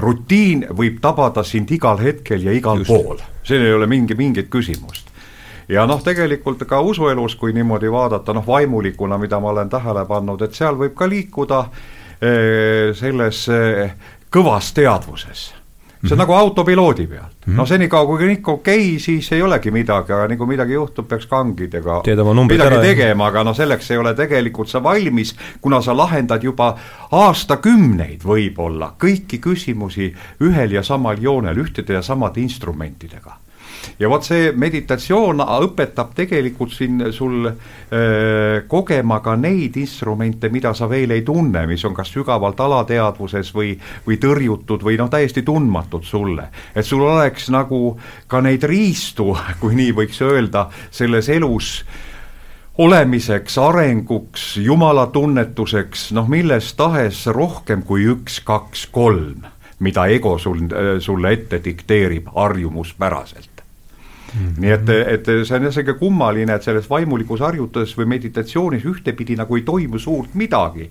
et üks eesmärk on pigem ju, pigem ju sellisesse noh, nagu kõigest eh, lahti saamine või, või, või, või, või kontsentreerumine või tühjaks isegi saamine ja teistpidi sellel vaimsel matkal võid sa juurde näha seda kõrgemat, kõrgemat eh, tasandit ja saada ka siis jõudu ja instrumente noh, igapäevaseks toimimiseks. Ja see on võib-olla põhjus, miks see on eh, noh, kui nii võtta nüüd ütleme hästi ilmalikus mõttes nii populaarseks muutunud ja miks on noh, nii erinevaid asju, et lausa segadust tekitab et tegelikult on paljud kogenud, et sellised äh, harjutused, isegi kui nad ei ole nii selgelt piiritletud ega, ega ei ole ka selgelt äh, mingis traditsioonis mm, sees, on äh, näidanud inimestele kätte need võimalused, mida nad ei ole kunagi endas tundnud või, või enda omaks osanud pidada võib-olla tuleks nüüd järgmise, küsiks hästi kiire küsimus mõne komagilt vahele, millal sina, Urmas, esimest korda mediteerisid, nii nagu sa sellest aru saad, ütleme, kus sa, kus sa paned no ma arvan, et see ikkagi tuli nagu kirikusse tulemisega, et noh, seal lihtsalt on palved ja, ja asjad ja, ja noh, mingid rituaalid ja, ja, ja jumalateenistus ja mis ju on ka alati nende komponentidega mm. seotud, see, see on täiesti selge aga, aga ilmsesti ikkagi ka mingite oma otsingute käigus noh, kõigepealt hästi-hästi on läänelik, tahaks rohkem saada mm. -hmm. no kuidas siis teisiti, eks ole. tahaks rohkem saada, niisuguse huvitavama paketi kokku. et aga noh, tasapisi muidugi hakkad mõistma, et küsimus ei ole mitte selles, et rohkem saada, vaid, vaid paremini ja sügavamalt ja, ja siis äh, selles mõttes ma arvan, et siin ei ole vast väga suurt erinevust, et ikkagi noh, mingid õpetajad, küllap mingid raamatud, see on ikka üsna lootusetu, et sa kõik ise nagu välja oled, noh, mõtled või le järile jõuad, et et ikkagi õpetajate olemasolu on oluline ka ristiusus äh, absoluutselt, sellepärast et, et äh, need, kes on kogenud rohkem, kes on käinud läbi mm, suurema matka ja, ja, ja saavad teistelegi jagada, eks nendele peab ikkagi kõigepealt toetuma. ja muidugi pühakirja Jeesus enda eeskuju, kus mitmel korral öeldakse, ta läks, tõmbus üksindusse mägedesse, et palvetada, et rääkida oma isaga mm. -hmm ja vot siin on nüüd üks moment, mis on võib-olla selles meditatsioonis ka päris oluline või, või palves, et, et me peame vahel eemalduma ka nendest oma kõige armsamatest, oma armsatest ideedest, mõtetest ja ka nendest teistest, kellega koos on jube hea olla. Et, et mõista midagi sügavamalt ja näha avaramat pilti et noh, mingis mõttes on see eeskuju ka pühakirjas olemas, kus ka öö, sa pead vahel eralduma, nii nagu sõna retriit tähendab noh, eraldumist, tagasitõmbumist. Mm, ka ja mitte ainult siis noh, mingite ebameeldivuste või, või kirgede või, või muu selle juures, vaid ka sageli, ka sageli oma parimate kaaslaste juures, et, et ennast korrastada ja ja kõnelda isaga aga see on siis, et mm, ütleme, sa paneksid oma meditatsiooni alguse siis, kui sa kirikusse tulid, tulid, mis on mingi paarkümmend no, aastat ikka julgelt no teadlikku. ja, ja just, noh, kuhu jah, jah, teadlikku paarkümmend aastat siis no kolmkümmend. kolmkümmend ikka, jah ja,. ja, ja sul, Laul? ma olen küll võib-olla pisut noorem, aga kah umbes, ma arvan, oli kuueteistaastane. ka, ah just, täpselt jah, ja nüüd seitsekümmend neli. Mhm. Mhm. nojah, siis on ikkagi nojah, mina olen siin äh, ja seetõttu on see mulle te, isiklikult huvitav, et mina arvan, et ma tegin kusagil kaks tuhat kaheksateist esimest korda ja mm -hmm. ja, ja mis mul jäi siin kõrva, mm, äh, kui Laur rääkis kogemusest seal äh, seal Jaapanis, et mm -hmm. kasutasite väljendit, et oskan, oskan mediteerida, et ma tahaks, tahaks sellest nagu rohkem kuulda, et, et no ma lihtsalt räägin nagu et noh, minu puhul on ta lihtsalt see, et ma olen niimoodi kakskümmend minutit hommikuti istun vaikuses ja, ja nagu ma ka selles teises numbris, teise numbri juhtkirjast oli, kirjutas, et mingit kirgastumiskogemust mul ei ole ette näidata, aga vähemasti ei kuula päevauudiseid sel ajal, et see on noh, mitte et ma neid muidugi kuulaks, aga, aga sel ajal ei kuula eriti, et et kuidas sealt siis niimoodi no kindlasti on, ma, ma kujutan ette, et kui ükskõik, mis asja me õpime, et see ikkagi õppimine kul-, kulgeb niimoodi mingite väikeste selliste ahhaa-momentidega, et et millised on teie ütleme, sellest punktist A punkti B poole, kus ma oskan mediteerida, et, et mis on teie jaoks olnud sellised võib-olla olulisemad teetähised selles, sellel teel, et ma ei tea, kumb tahaks, kumb tahab alustada siit no vot, see jutt sinu kätte. et võib-olla no kirjeldame kõigepealt seda välist, et et budismis ka räägitakse nagu seitse punkti, et noh, kehaasendist hakkab ju pihta, et noh, või noh, tegelikult hakkab pihta sellest, et olla sellises äh, rahulikus kohas ja ja mitte omada elustiili, mis on väga hektiline ja võib-olla teisi kahjustav või mm, -hmm. või ennast kahjustav. et no ikka, kui kui hommiku varani öö läbi pidu panna, no siis nagu järgmine päev ei ole võib-olla see kõige parem ja noh, kui on ikka mõtted ka täis noh, igasuguseid halbu tundeid, siis mida on, on ise süvendatult tehtud teistele halba näiteks, siis ebakindlus hirm selle tõttu ka, et tuleb midagi välja või noh mm et siis äh, algab nagu ikkagi eetikast ja niimoodi elustiilist. meeleparandusest. jah, aga siis jõuame siis äh, nagu äh, isteasendini, sest no ütleme pigem ikkagi istudes, no budismis ristijalu, oluline on see, et on, selg on sirge, no siin ka, et et tegelikult selle taga on teatud arusaam ka peenetest, ütleme siis energiatest või nendest noh, mingitest kehas liikuvatest äh, paremat sõna ei oskagi öelda, et see originaalne sanskriti-keelne sõna oleks võib-olla tuul, on tuul, mis läbib, läbi teatud kanaleid, kanalid peavad olema sirged, siis on mõtted ka selged, kui nii.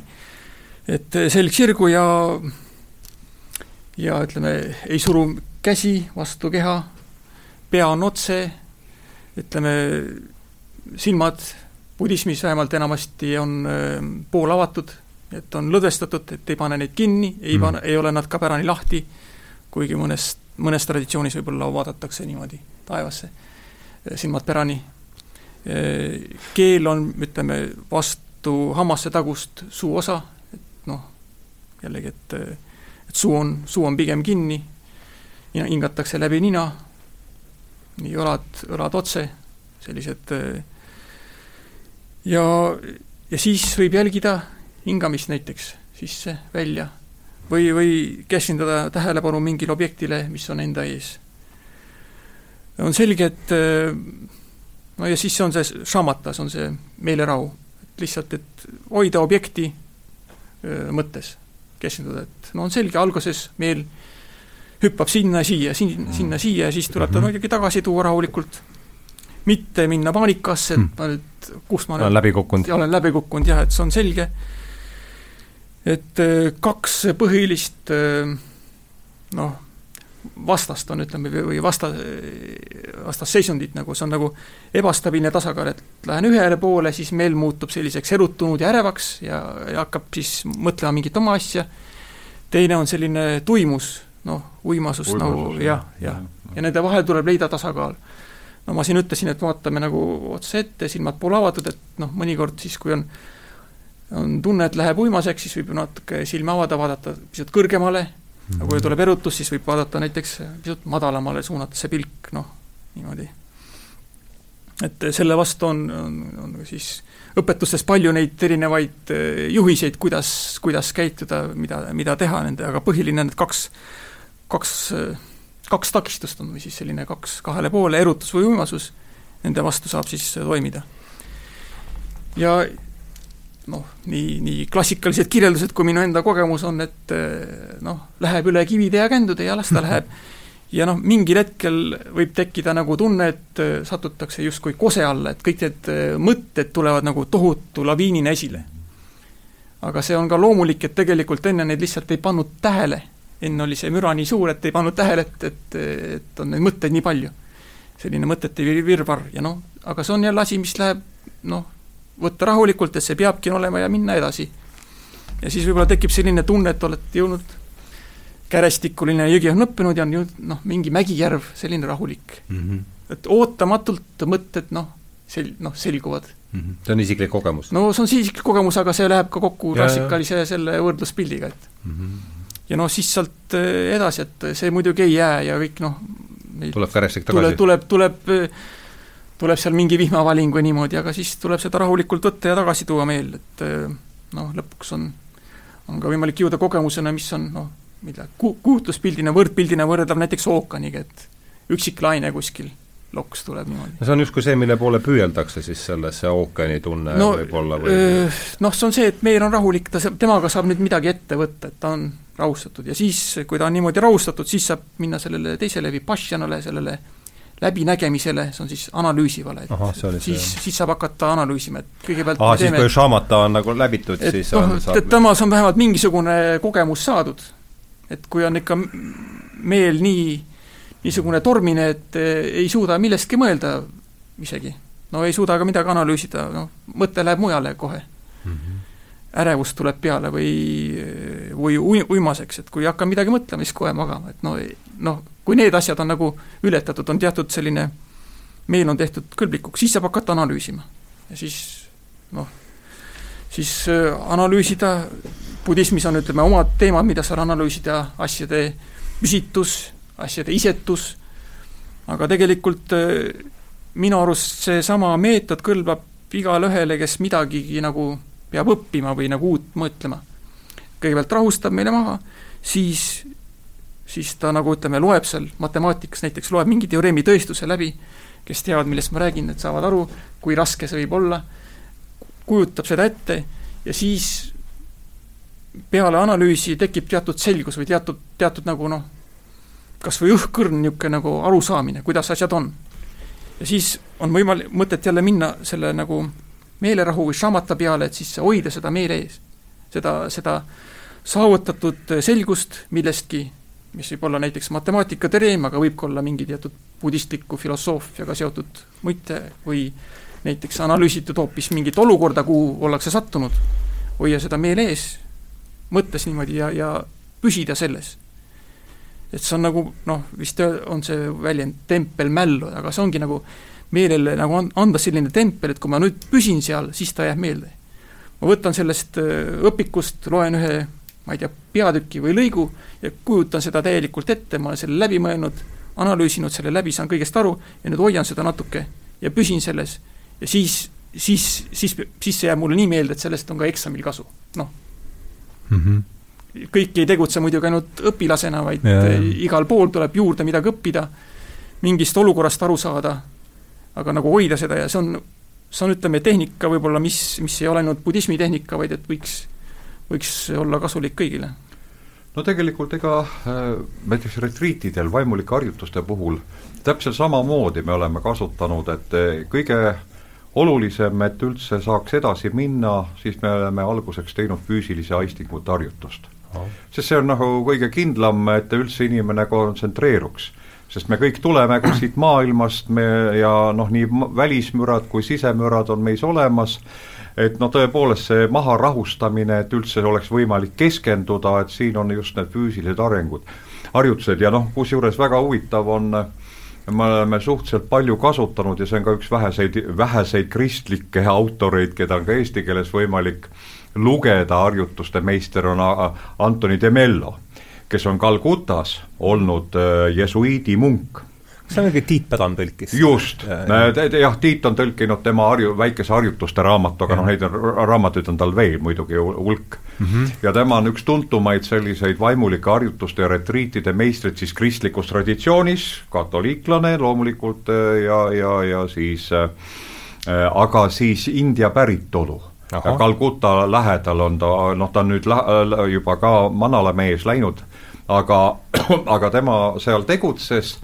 ja ta on noh, igal pool oma seminare teinud ja kirjutanud, nii et ta on üks niisuguseid huvitavamaid, huvitavaid isiksusi, kellest siis kahtlemata ka see, mis ta seal Indias on kogetu, on temas olemas arusaadavalt, sest keskkond on alati oluline aga tema on siis jah, väga palju selliseid harjutusi teinud ja tema nagu selline kindel soovitus on ka alati, et alustada just eeskätt füüsiliste aistingute harjutusega, et seejärel siis saaks, kui meel on vabaks saanud ja teist ja noh, on võimalik juba edasi kontsentreeruda, siis minna harjutustega edasi. Aga, ja noh, kristlikus mõttes on, kui me näiteks tegeleme jumala sõnaga, siis lihtsalt see, see, kui me oleme nüüd äh, rahunenud, sest see on tõesti, ilma selleta ei saa midagi, noh, võimalik näiteks võtta mingi pilt.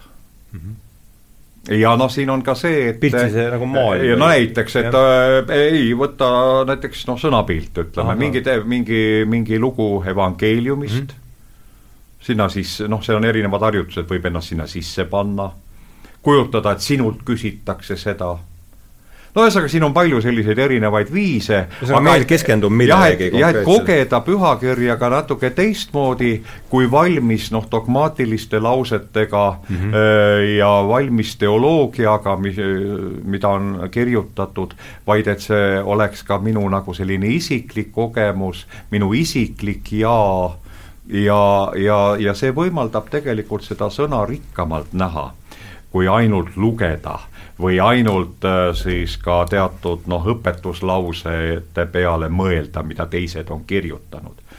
see on üks viis. Aga, aga oled, mis need füüsilised aistingud harjutavad? Äh, no tähendab, kui õpid tundma, kuidas su kehaga on, tunned, mis su õlas on, mis su jalalabas on, noh, siin on no, mm, erineval mm, viisil on, aga, aga selle või noh, muidugi kõige lihtsam keskenduda hingamisele. Mm. Sest äh, kui sa keskendud hingamisele, siis noh, sellel ajal sa ei mõtle muudele asjadele ja see on üks kõige lihtsamaid viisi, viise jätta müra selja taha.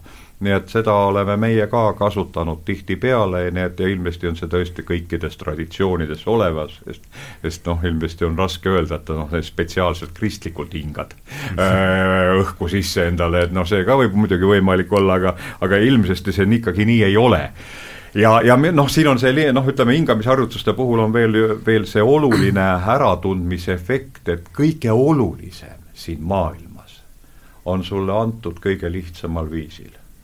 aga kui ei ole enam midagi hingata, siis on jama. et see, mis on kõige tähtsam, noh, et sa lihtsalt üldse elus oleksid noh, on sulle, tähendab, algusest peale antud ja siis tuleb veel tohutult palju tähtsaid ja vähetähtsaid asju. et ma olen tähele pannud, noh, mitu inimest on minuga rääkinud, et, et see kogemus on olnud neile ääretult oluline. et tegelikult noh, noh, hingad õhku, eks ole no,. jah, et noh, et sa ei ole, ei ole kunagi mõelnud, et noh, et see, ilma milleta üldse ei saa. jah, et ilma käeta me äh, saame hakkama, aga ilma õhuta oleme äh, no läbi. ikka, ikka ei saa mitte kuidagi, et see on sulle nagu algusest peale antud ja noh, see on muidugi selline vägagi tuge-, oluline vaimulik kogemus inimesele nii et jah, need paljud need harjutuste viisid on ilmsesti üsnagi sarnased, noh, mis on ristiusus nagu raamatu religioonis, noh, oluline see, et noh, me, meie, meie see keskne tekst on pühakiri, eks ole et noh, budistlikke tekste on erinevaid, teil ei ole sellist ühtset raamatut, ühtset tegelast, kellele keskenduda, noh. on risti... raamatukogu. Teil on, ütleme raamatukogu, kuigi piiblos tähendab ka raamatukogu jah, aga, aga noh, ütleme jah, et meil on ta siiski märksa kontsentreeritum ja, ja noh, Kristuse isik, aga, aga ütleme noh, sellised tehnilised asjad või meetodid on ilmsesti vägagi sarnased kogu maailma äh, religioosses ja vaimses praktikas, eh, mida kasutatakse. ja, ja, ja igal juhul on oluline ilmsesti see noh, järjekindlus. noh, jälle seesama rütmi küsimus, et noh, sa ikkagi teeksid et noh, eh, ikkagi kui teil ei lähe, ei saa edasi ja mitte midagi ei ole teha, et et see on ilmsesti ka sarnane, ma usun, eh, noh, nii ristiusus kui budismis näiteks, nagu täna siin me siin kahekesi esindame neid erinevaid, erinevaid äh, jah, religioone või, või õpetusi. ma tahaks hingamisest, et ja. kõlab tegelikult väga lihtsalt, aga kui hakata proovima mm, -hmm. siis on küllaltki raske mitte hakata forsseerima seda hingamist. et kui ma jälgin, et siis ma samal ajal ei hakka seda juhtima mm. -hmm. et eh, kipub ikkagi no vähemalt alguses minema niimoodi, et et äh, ma jälgimisega koos hakkan seda ka juhtima mm -hmm. niimoodi ja siis, äh, siis noh, asi läheb natuke käest ära, et see ei ole nagu eesmärk. et siis äh, tekivad ka teatud ebameeldivad tunded, noh, mhm. forsseeritud hingamisega, et noh, seda on raske niimoodi sõnades öelda, aga et kogedes on palju, palju arusaadavam aga te olete ikka mõlemad teinud õpetajatega seda asja niimoodi, kes alguses ma kujutan ette, kas või see keha asend juba, eks, et seda, kui keegi ei näita, on no, keeruline seda saada. saab ka raamatust lugeda ja seda saab tegelikult kogemusega timmida ja see ei ole niimoodi, et kohe ta tuleb, et pigem on kogemusega jah, aga no muidugi õpetaja on ka oluline, jah. ja mis ma tahtsin veel rääkida, et ütleme, läheme seal sellest, sellest meelerahust veel edasi, et nagu teeme, teeme siis veel sügavamalt. et siis võib kogeda ka nagu noh, olekuid, kus näiteks keha tunnetus muutub teistsuguseks, keha, ta võib tunduda, et on tohutult suur, et mul on nagu, ma olen, istun, aga et mul pea on nagu pilvedes, noh. no see on jällegi isiklik, isiklik no jah, aga see on ka selles mõttes äh, olemas kinnitus, et yeah. niimoodi nagu see ongi, mitte ainult minul, vaid ka paljudel yeah. teistel ja ka vanades tekstides. aga isiklik kogemus on ka tagasi ja,? jah, et mm, -hmm. et kehatunnetus, et kuidagi hakkavad need äh, aistingu meeled tasapisi välja lülituma või muutuvad vähem tähtsaks. et ütleme, see kehatunne tasapisi ja ka ütleme, ma ei tea, maitsmine ja haistmine ja, ja, ja võib-olla kuulmine, nägemine kõige hiljem, et, et noh, on see nagu puhas teadvusolek, aga ilma, et nagu seda, neid väliseid häiritusi üldse vastu võtakski, need meeled kuidagi nagu noh, neutraliseerivad, ei võta, summutavad, ei, ei võtagi neid vastu, et see on, see on ka kogemus, mis on võimalik äh, saada. ja noh, mis sealt nagu pärast võib veel tulla, et ütleme, see sessioon lõpeb ära, meel on väga rahulik ja siis ma lähen ja kohtun tavaliste inimestega. ja siis on väga noh, võib ka saada päris šoki, sest eh, ma olen ennast niimoodi nagu tasandanud, aga teised on tavaolekus, nende emotsioonid on kõik nagu noh mm, -hmm. nagu on ja need karjuvad, karjuvalt eh, torkavad mulle silma. et ütleme, meie oleme siin nagu räägime tavaliselt, aga kui siia tuleks keegi noh, kellel on teatud teatud probleeme, kes, kelle näoilmed on grimassid niimoodi, kes ei suuda ühtegi lauset tervikuna öelda, vaid et mõte juba läheb mujale, niisugune nagu rabeleja mm. -hmm. ja siis me tunneme temaga, et noh, et midagi on nagu korrast ära. aga vaat kujutage ette, et nüüd äh, olles selles seisundis, vaatan tavainimest, näiteks teid, ja näen kõiki neid emotsioone, mis tegelikult noh, on nagu tavatasandil nagu noh, niimoodi normaalselt, aga need torkavad nii palju silma, et see, see kuidagi see noh, kujundlikult öeldes võnketasand see on niimoodi erinev, et torkab silma ja siis siis on raske olla inimeste seas, et, et siis tuleb arendada teatud kaastunnet ja niimoodi, et, et saada hakkama. et, et sellised kogemused võivad ka olla lihtsalt, et elu on, või noh, see, see, see spekter meeleseisunditest, mis on võimalik kogeda, on, on päris suur ja noh, muidugi on üks asi, mida, mis üldse ei meeldi kaasaja, tänapäeva inimesele tavaliselt, et et sellise meditatsiooni tulemus võib olla ka väga karmide asjade ülestulek mm. -hmm. noh, Risti Johannes nimetab siin läbi pimedast ööst läbiminekut, noh, kes see seda tahab, aga sellest pääsu ei ole, kui sa puhastuda tahad ja ennast ette valmistada ja noh, nii nagu ütleme, retriitidel on olnud äh, sageli teisel päeval noh, kui lõpus inimesed ka midagi ütlevad asja kohta, siis mitmedki ütlevad, et ma sain noh, kuidagi sinna rütmi alles teisel päeval nagu sisse.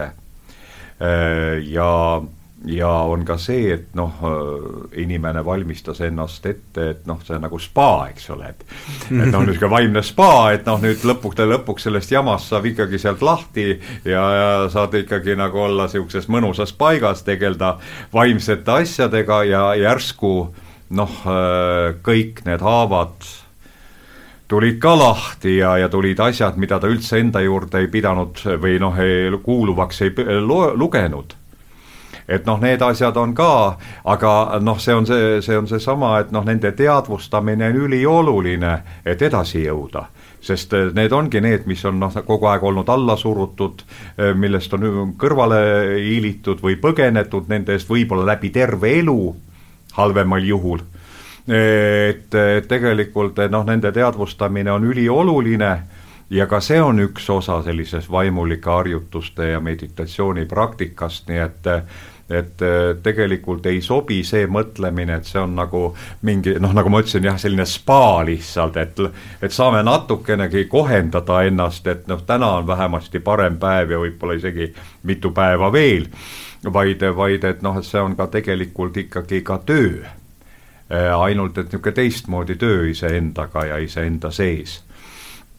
et see on minu meelest üks asi, mida ka tegelikult äh, peaks inimestele, inimesteni viima, sest sest noh, kuidagi on läinud nii, et me, see on sellest tarbimismentaliteedist tulenev. et mul on vaja head enesetunnet, mul on vaja omad probleemid lahendada, mul on vaja stressist lahti saada, no selge see, ma lähen mediteerin.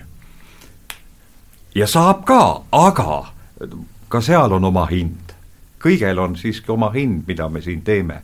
ja, ja noh, ma arvan, et see on ka selline asi, mille peale äh, noh, nagu võib mõelda ja, ja mida tasuks nagu silmas pidada, siis sõltumata, mis traditsiooni keegi järgib, et et me ei, ei käituks siin ka lihtsalt turul olles, et mm, -hmm.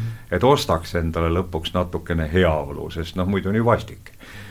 et, et, et see on nagu võib-olla üks asi, mis, mida ma olen nagu tähele pannud sellistel noh, ütleme meditatsiooniturul -hmm. vahel eriti siis, kui ei jälgita mingit äh, traditsioone mm. -hmm. kui on noh, nagu ma ei taha midagi öelda hinnangut selles mõttes negatiivset, aga noh, siiski kuidagi kuidagi juhuslikumalt need asjad kokku pandud äh, või, või see toetub tõesti ainult ähm, ühele-kahele inimese, nende isiklikele otsingutele aga et siin minu meelest natuke traditsioon aitab, sest ikkagi sajandeid või isegi aastatuhandeid, mida on inimesed äh, uurinud, äh, läbi teinud, kirja pannud, noh, seda ei saa ega tohi nagu väga lihtsalt kõrvale lükata, sest see pole olnud juhuslik. et noh, see on nii minu nagu selline mõte sellise meditatsiooni praktiseerimise juures mul on väga hea meel, Urmas rääkis väga õiget juttu, kõik, kõigele praktiliselt kirjutaks alla. et nii see, see traditsiooni tähtsus, et eh, ma ei võta siit killukest sealt ja mm -hmm. teiselt kohalt, eh, see võib töötada, aga noh, mingis asjas jällegi mingid teemad on katmata ja ajab segadusse, kui niimoodi kombineerida suvaliselt. Mhm. pigem, pigem noh, minu seisukoht ka, et võtta üks traditsioon ja siis arendada ennast seal edasi. võib tundma õppida teisi ja aru saada, kuidas nad töötavad. aga see kogemus, see tuleb ikkagi nagu ühe, ühe baasilt mm, -hmm. see saab haakuda mm. -hmm. ja teiseks see, et tõesti tulevad selle meelerahu noh, arendamise juures tulevad välja need haavad. ja selle jaoks on siis budismis see teine, see läbinägemine, et siis tuleb neid hakata analüüsima võtta mm. lahti osadeks. ja Vipassana aspekt, jah. jah, et ja siis saab need, no siis, siis saab seda hakata tegema, võtta osadeks lahti, analüüsida, et lihtsalt meele rahustamine neid meeleplekke, meelepaineid ei eemalda iseenesest. ta neid ajutiselt surub maha. selleks, et neid eemaldada, neid välja juurida, on vaja nad lahti võtta ja läbi analüüsida. näha, et tegelikult seal ei ole seda vaenlast, seal ei ole seda tegelikult noh, no piltlikult on see kujund, mis igas nagu tekstis budismis läbi käib, et ma näen, et toanurgas on, pimedas hämara toanurgas on mingisugune nagu madu ja olen hirmunud. tegelikult tuleb see üles otsida, valgustada ja näha, et see ei ole mitte madu, vaid see on nöörijupp mm. -hmm. no ühesõnaga näha, et ta on midagi muud mm. -hmm. võtta lahti, analüüsida, miks see, miks see tuleb ja ja siis selle kaudu nagu edasi minna see maakujund käis läbi minu saates, kus meil oli Krishnamurtist ja David Boomist no, ja oli noh, see on selline oli, tuntud no, see on, ja eks ole, Indias see lugu, eks ole, pühakirjas, et Indias on tegelikult väga praktiline, et seal need maod, meie, meie ei ole harjunud sellega, aga seal neid on. seal nad on nagu reaalselt olemas. seal on nad reaalselt olemas, jah. ja aga... veel üks mõte on see, et, et võib-olla tõesti ka ei maksa oodata lühi, noh, kiireid tulemusi. et see jah, meele võib rahustada ja siis on paar päeva tõesti võib-olla nagu parem olla, aga tegelik see töö käib nagu noh, teisel tasandil ja võtab aega, see võtab mitte isegi nädalaid, mitte kuid, aastaid, aastaid, pigem iga aastakümneid. ja siis tasapisi näed, et ma olen muutunud natuke teistsuguseks, ma ei ärritu nende asjade peale, mille üle ma varem ärritusin, ma nagu suudan läbi näha mingeid olukordi paremini kui enne, see on see noh, tasapisi, tasapisi aastakümnetega. ja selleks ja, on vaja püsivust. oluline see, et, et noh äh,, eriti noh, ka religioonis ma olen tähele pannud seda, et noh, et äh, see keskendatus moraalile ja eetikale on siin üks teema. ehk teiste sõnadega ma mõtlesin siin seda, et äh, et kui me keskendume ainult sellele, et mõnest halvast omadusest lahti saada siis me ei ole asjadest õigesti aru saanud. meie süda peab avarduma, meie võime armastada, kaasa tunda, mõista peab avarduma. ja, ja, ja ütleme, et see on, nagu öeldakse, lisaboonus et sa noh, nagu öeldakse, vennale nuga selga ei löö ja, ja on soovitav ja õige ja ilus, see kõik on hea.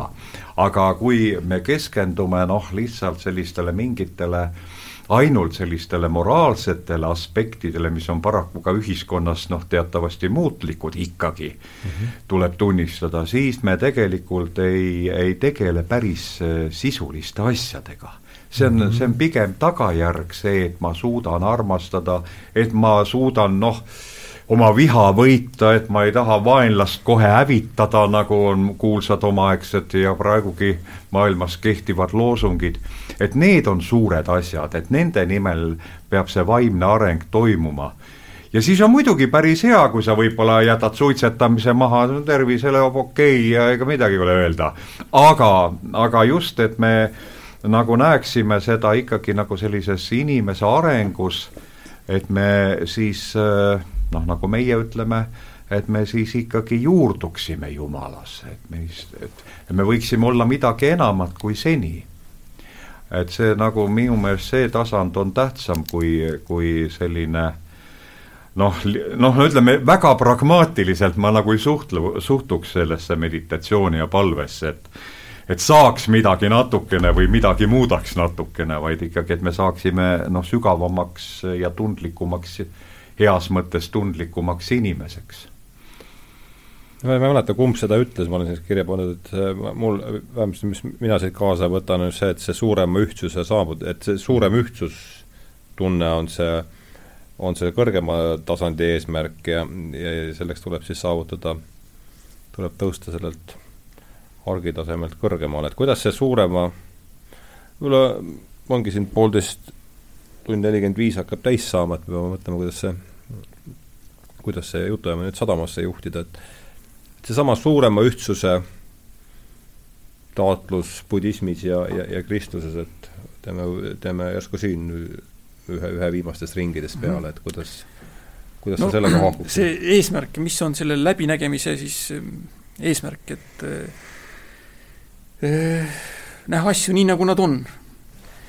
Et ma ei tea, ma arvan, et see ühtsus on võib-olla rohkem niisugune kristlik teema, et Aha. budismis pigem nähakse sellist vastastikust sõltuvust, et kõik on omavahel sõltuvad, et sellel, sellel ühtsusel võib-olla kristluses on kesk, keskus Jumala näol olemas, budismis seda ei ole mm. -hmm. et väga kerge on nagu noh, painutada ka budismi maailmavaade niimoodi selliseks ühtseks kristlusega, aga see jällegi -hmm. segab pilti, et on ikkagi kaks erinevat äh, sellist sügav, sügavat maailmavaadet või, või elutunnetust, mis mingis meetodites on sarnased ja võib-olla inimese puhul annavad ka noh, mingeid võrreldavaid tulemusi, kui neid arendada, siis, siis teatud süvatasandi maailmavaatelised erinevused jäävad, et lepime sellega et, et me ei saa kõike nagu, kõike nagu seda kogemust ka painutada täpselt, et üheks.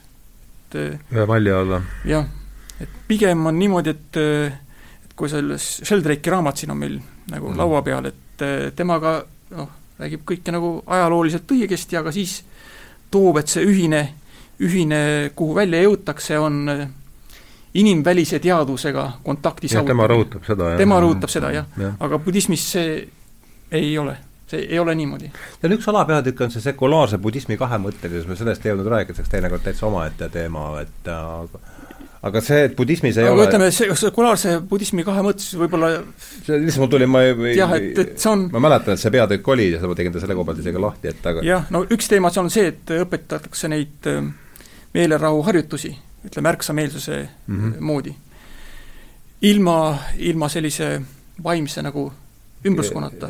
et sisuliselt on nagu siis eh, neid eh, investeerimispankureid õpetatakse olema mm -hmm. veel efektiivsemad, nagu piitsutama ennast, et mulle miski mind ei häiri, ma saan seda nagu noh, seda oma sama no, oravrattast äh, tüüpi tööd teha veel efektiivsemalt, kui ma enne tegin. Noh, kristluses on tekkinud uu, selline uus mõiste asenduskristlus, see on umbes sedasama. et noh, see, see ei ole nii, et seal ei ole see ümbrus õpetus ja kõik niivõrd oluline, aga teatud nüansid, mis võimaldavad noh, paremini hakkama saada, noh, eeskätt siis muidugi lääne ühiskonnas äh,, olla moraalsem, ol-, omada mingit tuge, mingit kõrgemat tuge, aga sellest ka piisab, ühesõnaga, et tegelikult no ei ole vaja noh, mingisugust suurt pingutust ega süvenemist, nii et ongi võetud nagu kasutusele asenduskristluse mõiste, see on üsna sarnane sellele, et mm, et võtame midagi sealt, mis meile sobib, aga noh, muidugi ega mitte ka väga suurt pingutust, vaid ainult midagi, mis eh, noh, tegelikult selle võiks ka öelda siis lõpuks, et Jeesus äri eduks, eks ole, sellised plakatid on ka Ameerikas üles pandud ja, ja nii ongi Mm -hmm. ja ega kindlasti ka see töötab, ainult ega sellel pole noh, mingit pistmist ristiusu sügavuste ja tõdedega, vaid see on, ütleme, pigem selline kultuuriline ja, ja sotsioloogiline teema rohkem võib-olla mm. -hmm. et noh, siin kultuuris sa oled sees olnud, miks mitte siis kasutada ühte seda kultuuri kujundanud vaadet nagu ristiusk, keda vaieldamatult ikkagi on lääne kultuuris ka siis noh, nagu rakendada seda oma igapäevases elus natukene või, või ärihuvides või, või ka selliseks vaimseks toeks. aga just, et noh, mitte sügavusi. et see on selline, ta on tõesti asendustegevus, ka, ka asendustegevus, jah no aga kena, olemegi siis siin jõudmas vaikselt lõpule, et ma, alustasime natuke hiljem ka, et et ma mõtlesin, ma viimases lehes oli ühe päris huvitav, päris huvitava tegelasega intervjuu, et ma viimases eh, kolme lehe eh, suures intervjuus olen esitanud kõigile ühe ja sama küsimuse ja ma mõtlesin, et täna tekkis eh, kiusatus, kuidagi haakus see minu arvates sellega, et et me siin tegelesime eelmisel hooajal või mis see, kes sel kevadel oli meil vennad Karamaažovid kursusel niimoodi sellise luubi all ja ja seal on, Dostojevski on valin-, valinud äh, salmi siis äh, äh, juhtmõtteks Johannese kaksteist kakskümmend neli. et üks inimene siin kristlikust traditsioonist on sellega lihtsam haakuda, aga et lõpetuseks lihtsalt paluks teil mõlemal mõtelda selle, et mis, mis, mis teie elukogemuse ja lugemise baasis, kuidas selle, kuidas nende ridadega siis äh,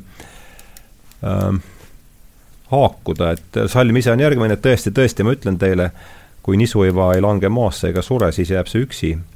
aga kui see sureb, siis see kannab palju vilja, et võib-olla oleks loogiline alustada Urmasest siin, kui niisugune tuleb salm siis sellest sellest traditsioonist, aga et ja, ja siis küsiks, mis mõtted see äratas Lauris ja siis tõmbamegi joone alla ja jah, noh, see on kahtlemata üks selliseid keskseid kirjakohti üsnagi ja Johannese evangeeliumis apostli kirjutatud, keda siis äh, on ka nimetatud künger, keda Jeesus armastas mm. -hmm. et tema kohta on öeldud see, et noh, ta, ta oli ka see, kes ainsana jäi risti juurde, sest teised lasid ju jalga kõik, ega kui asi käe täbaraks läks, aga tema jäi lõpuni.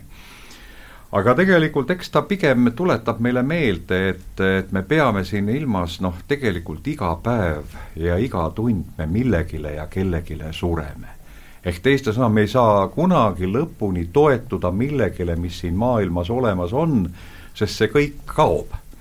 ja, ja, ja kui me nagu seda, seda silmas peame, siis noh, me mõistame ka seda enda teekonda, et noh, see väekas osa meie elus on ju tegelikult üsna lühikene, et tükk aega õpime midagi, siis jaksame ja siis hakkame kustuma ja vahel antakse seda aega väga vähe.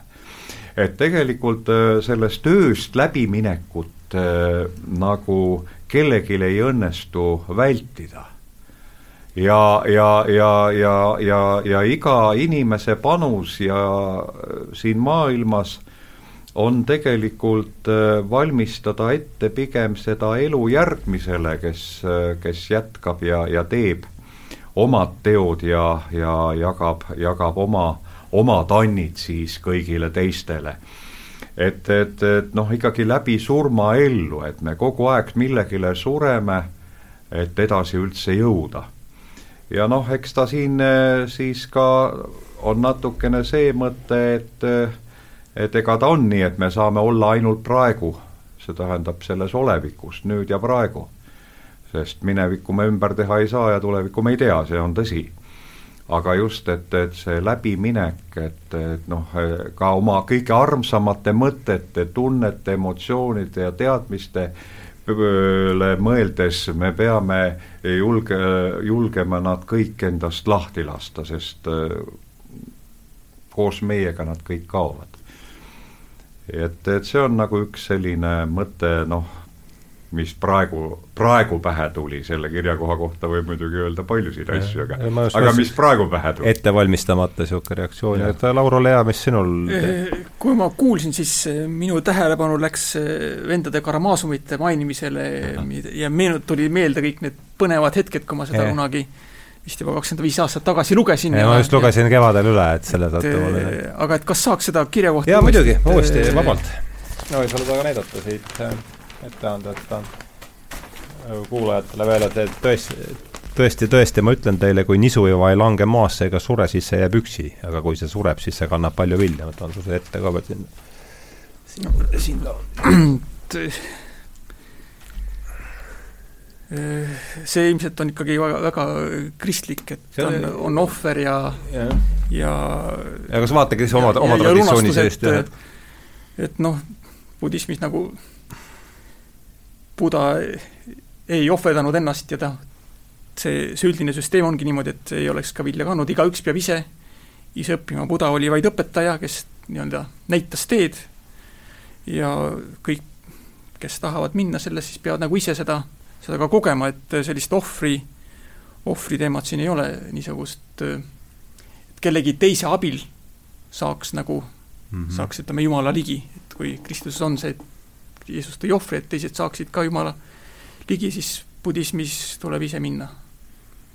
et see oleks see et ma arvan, et, et noh, siin on nagu, nagu selline kardinaalne ka mm -hmm. suhtumise vahe, et muidugi surmameditatsioon on A ja O budismis ka, et meenutada, võib-olla iga rituaali alguses meenutada, et, et elu on lõplik, ma ei tea kunagi, millal see võib lõppeda, kasutan praegu seda väärtuslikku inimelu, mis mul on, mis ma olen saavutanud ja, ja teen neid, nii-öelda korraks väike selline noh, külma vett näkku, et oh, mis ma nüüd, kus ma nüüd olen olnud, mis ma siin vedelen diivanil, et no tegelikult see võib olla minu viimane vedelemine, et mm. ei saa seda momenti nagu ei tohi käest lasta, et see on motivatsiooni jaoks oluline, et tea-, olla teadlik oma surelikkusest ja sellest, et see, see võimalus vaimseks tegevuseks võib varsti pikaks ajaks lõppeda, noh hmm., siin on need järgmised tulevad elud ja niimoodi, aga need võivad olla kuskil oludes, kus vaimsust ei, ei saa harjutada. Väga kena. Suur,, suur-suur tänu teile tulemast. Ja, ja oli siis äh, eetris tähenduse juhtide saja üheksateistkümnes vestlusring. See oli tähena täna pühendatud meditatsioonile, äh, mingis mõttes niisugune tagasivaade siis äh, ajalehe teisele numbrile möödunud aasta oktoobrist. ja, ja saates oli siis äh, kaks külalist, aitäh, Urmas Nagel, aitäh, Lauri Järv, aitäh kuulamast, aitäh kõigile neile, kes on teinud saate võimalikuks ja ja head lähenevat nädalavahetust! suur tänu, ilusat kevade jätku!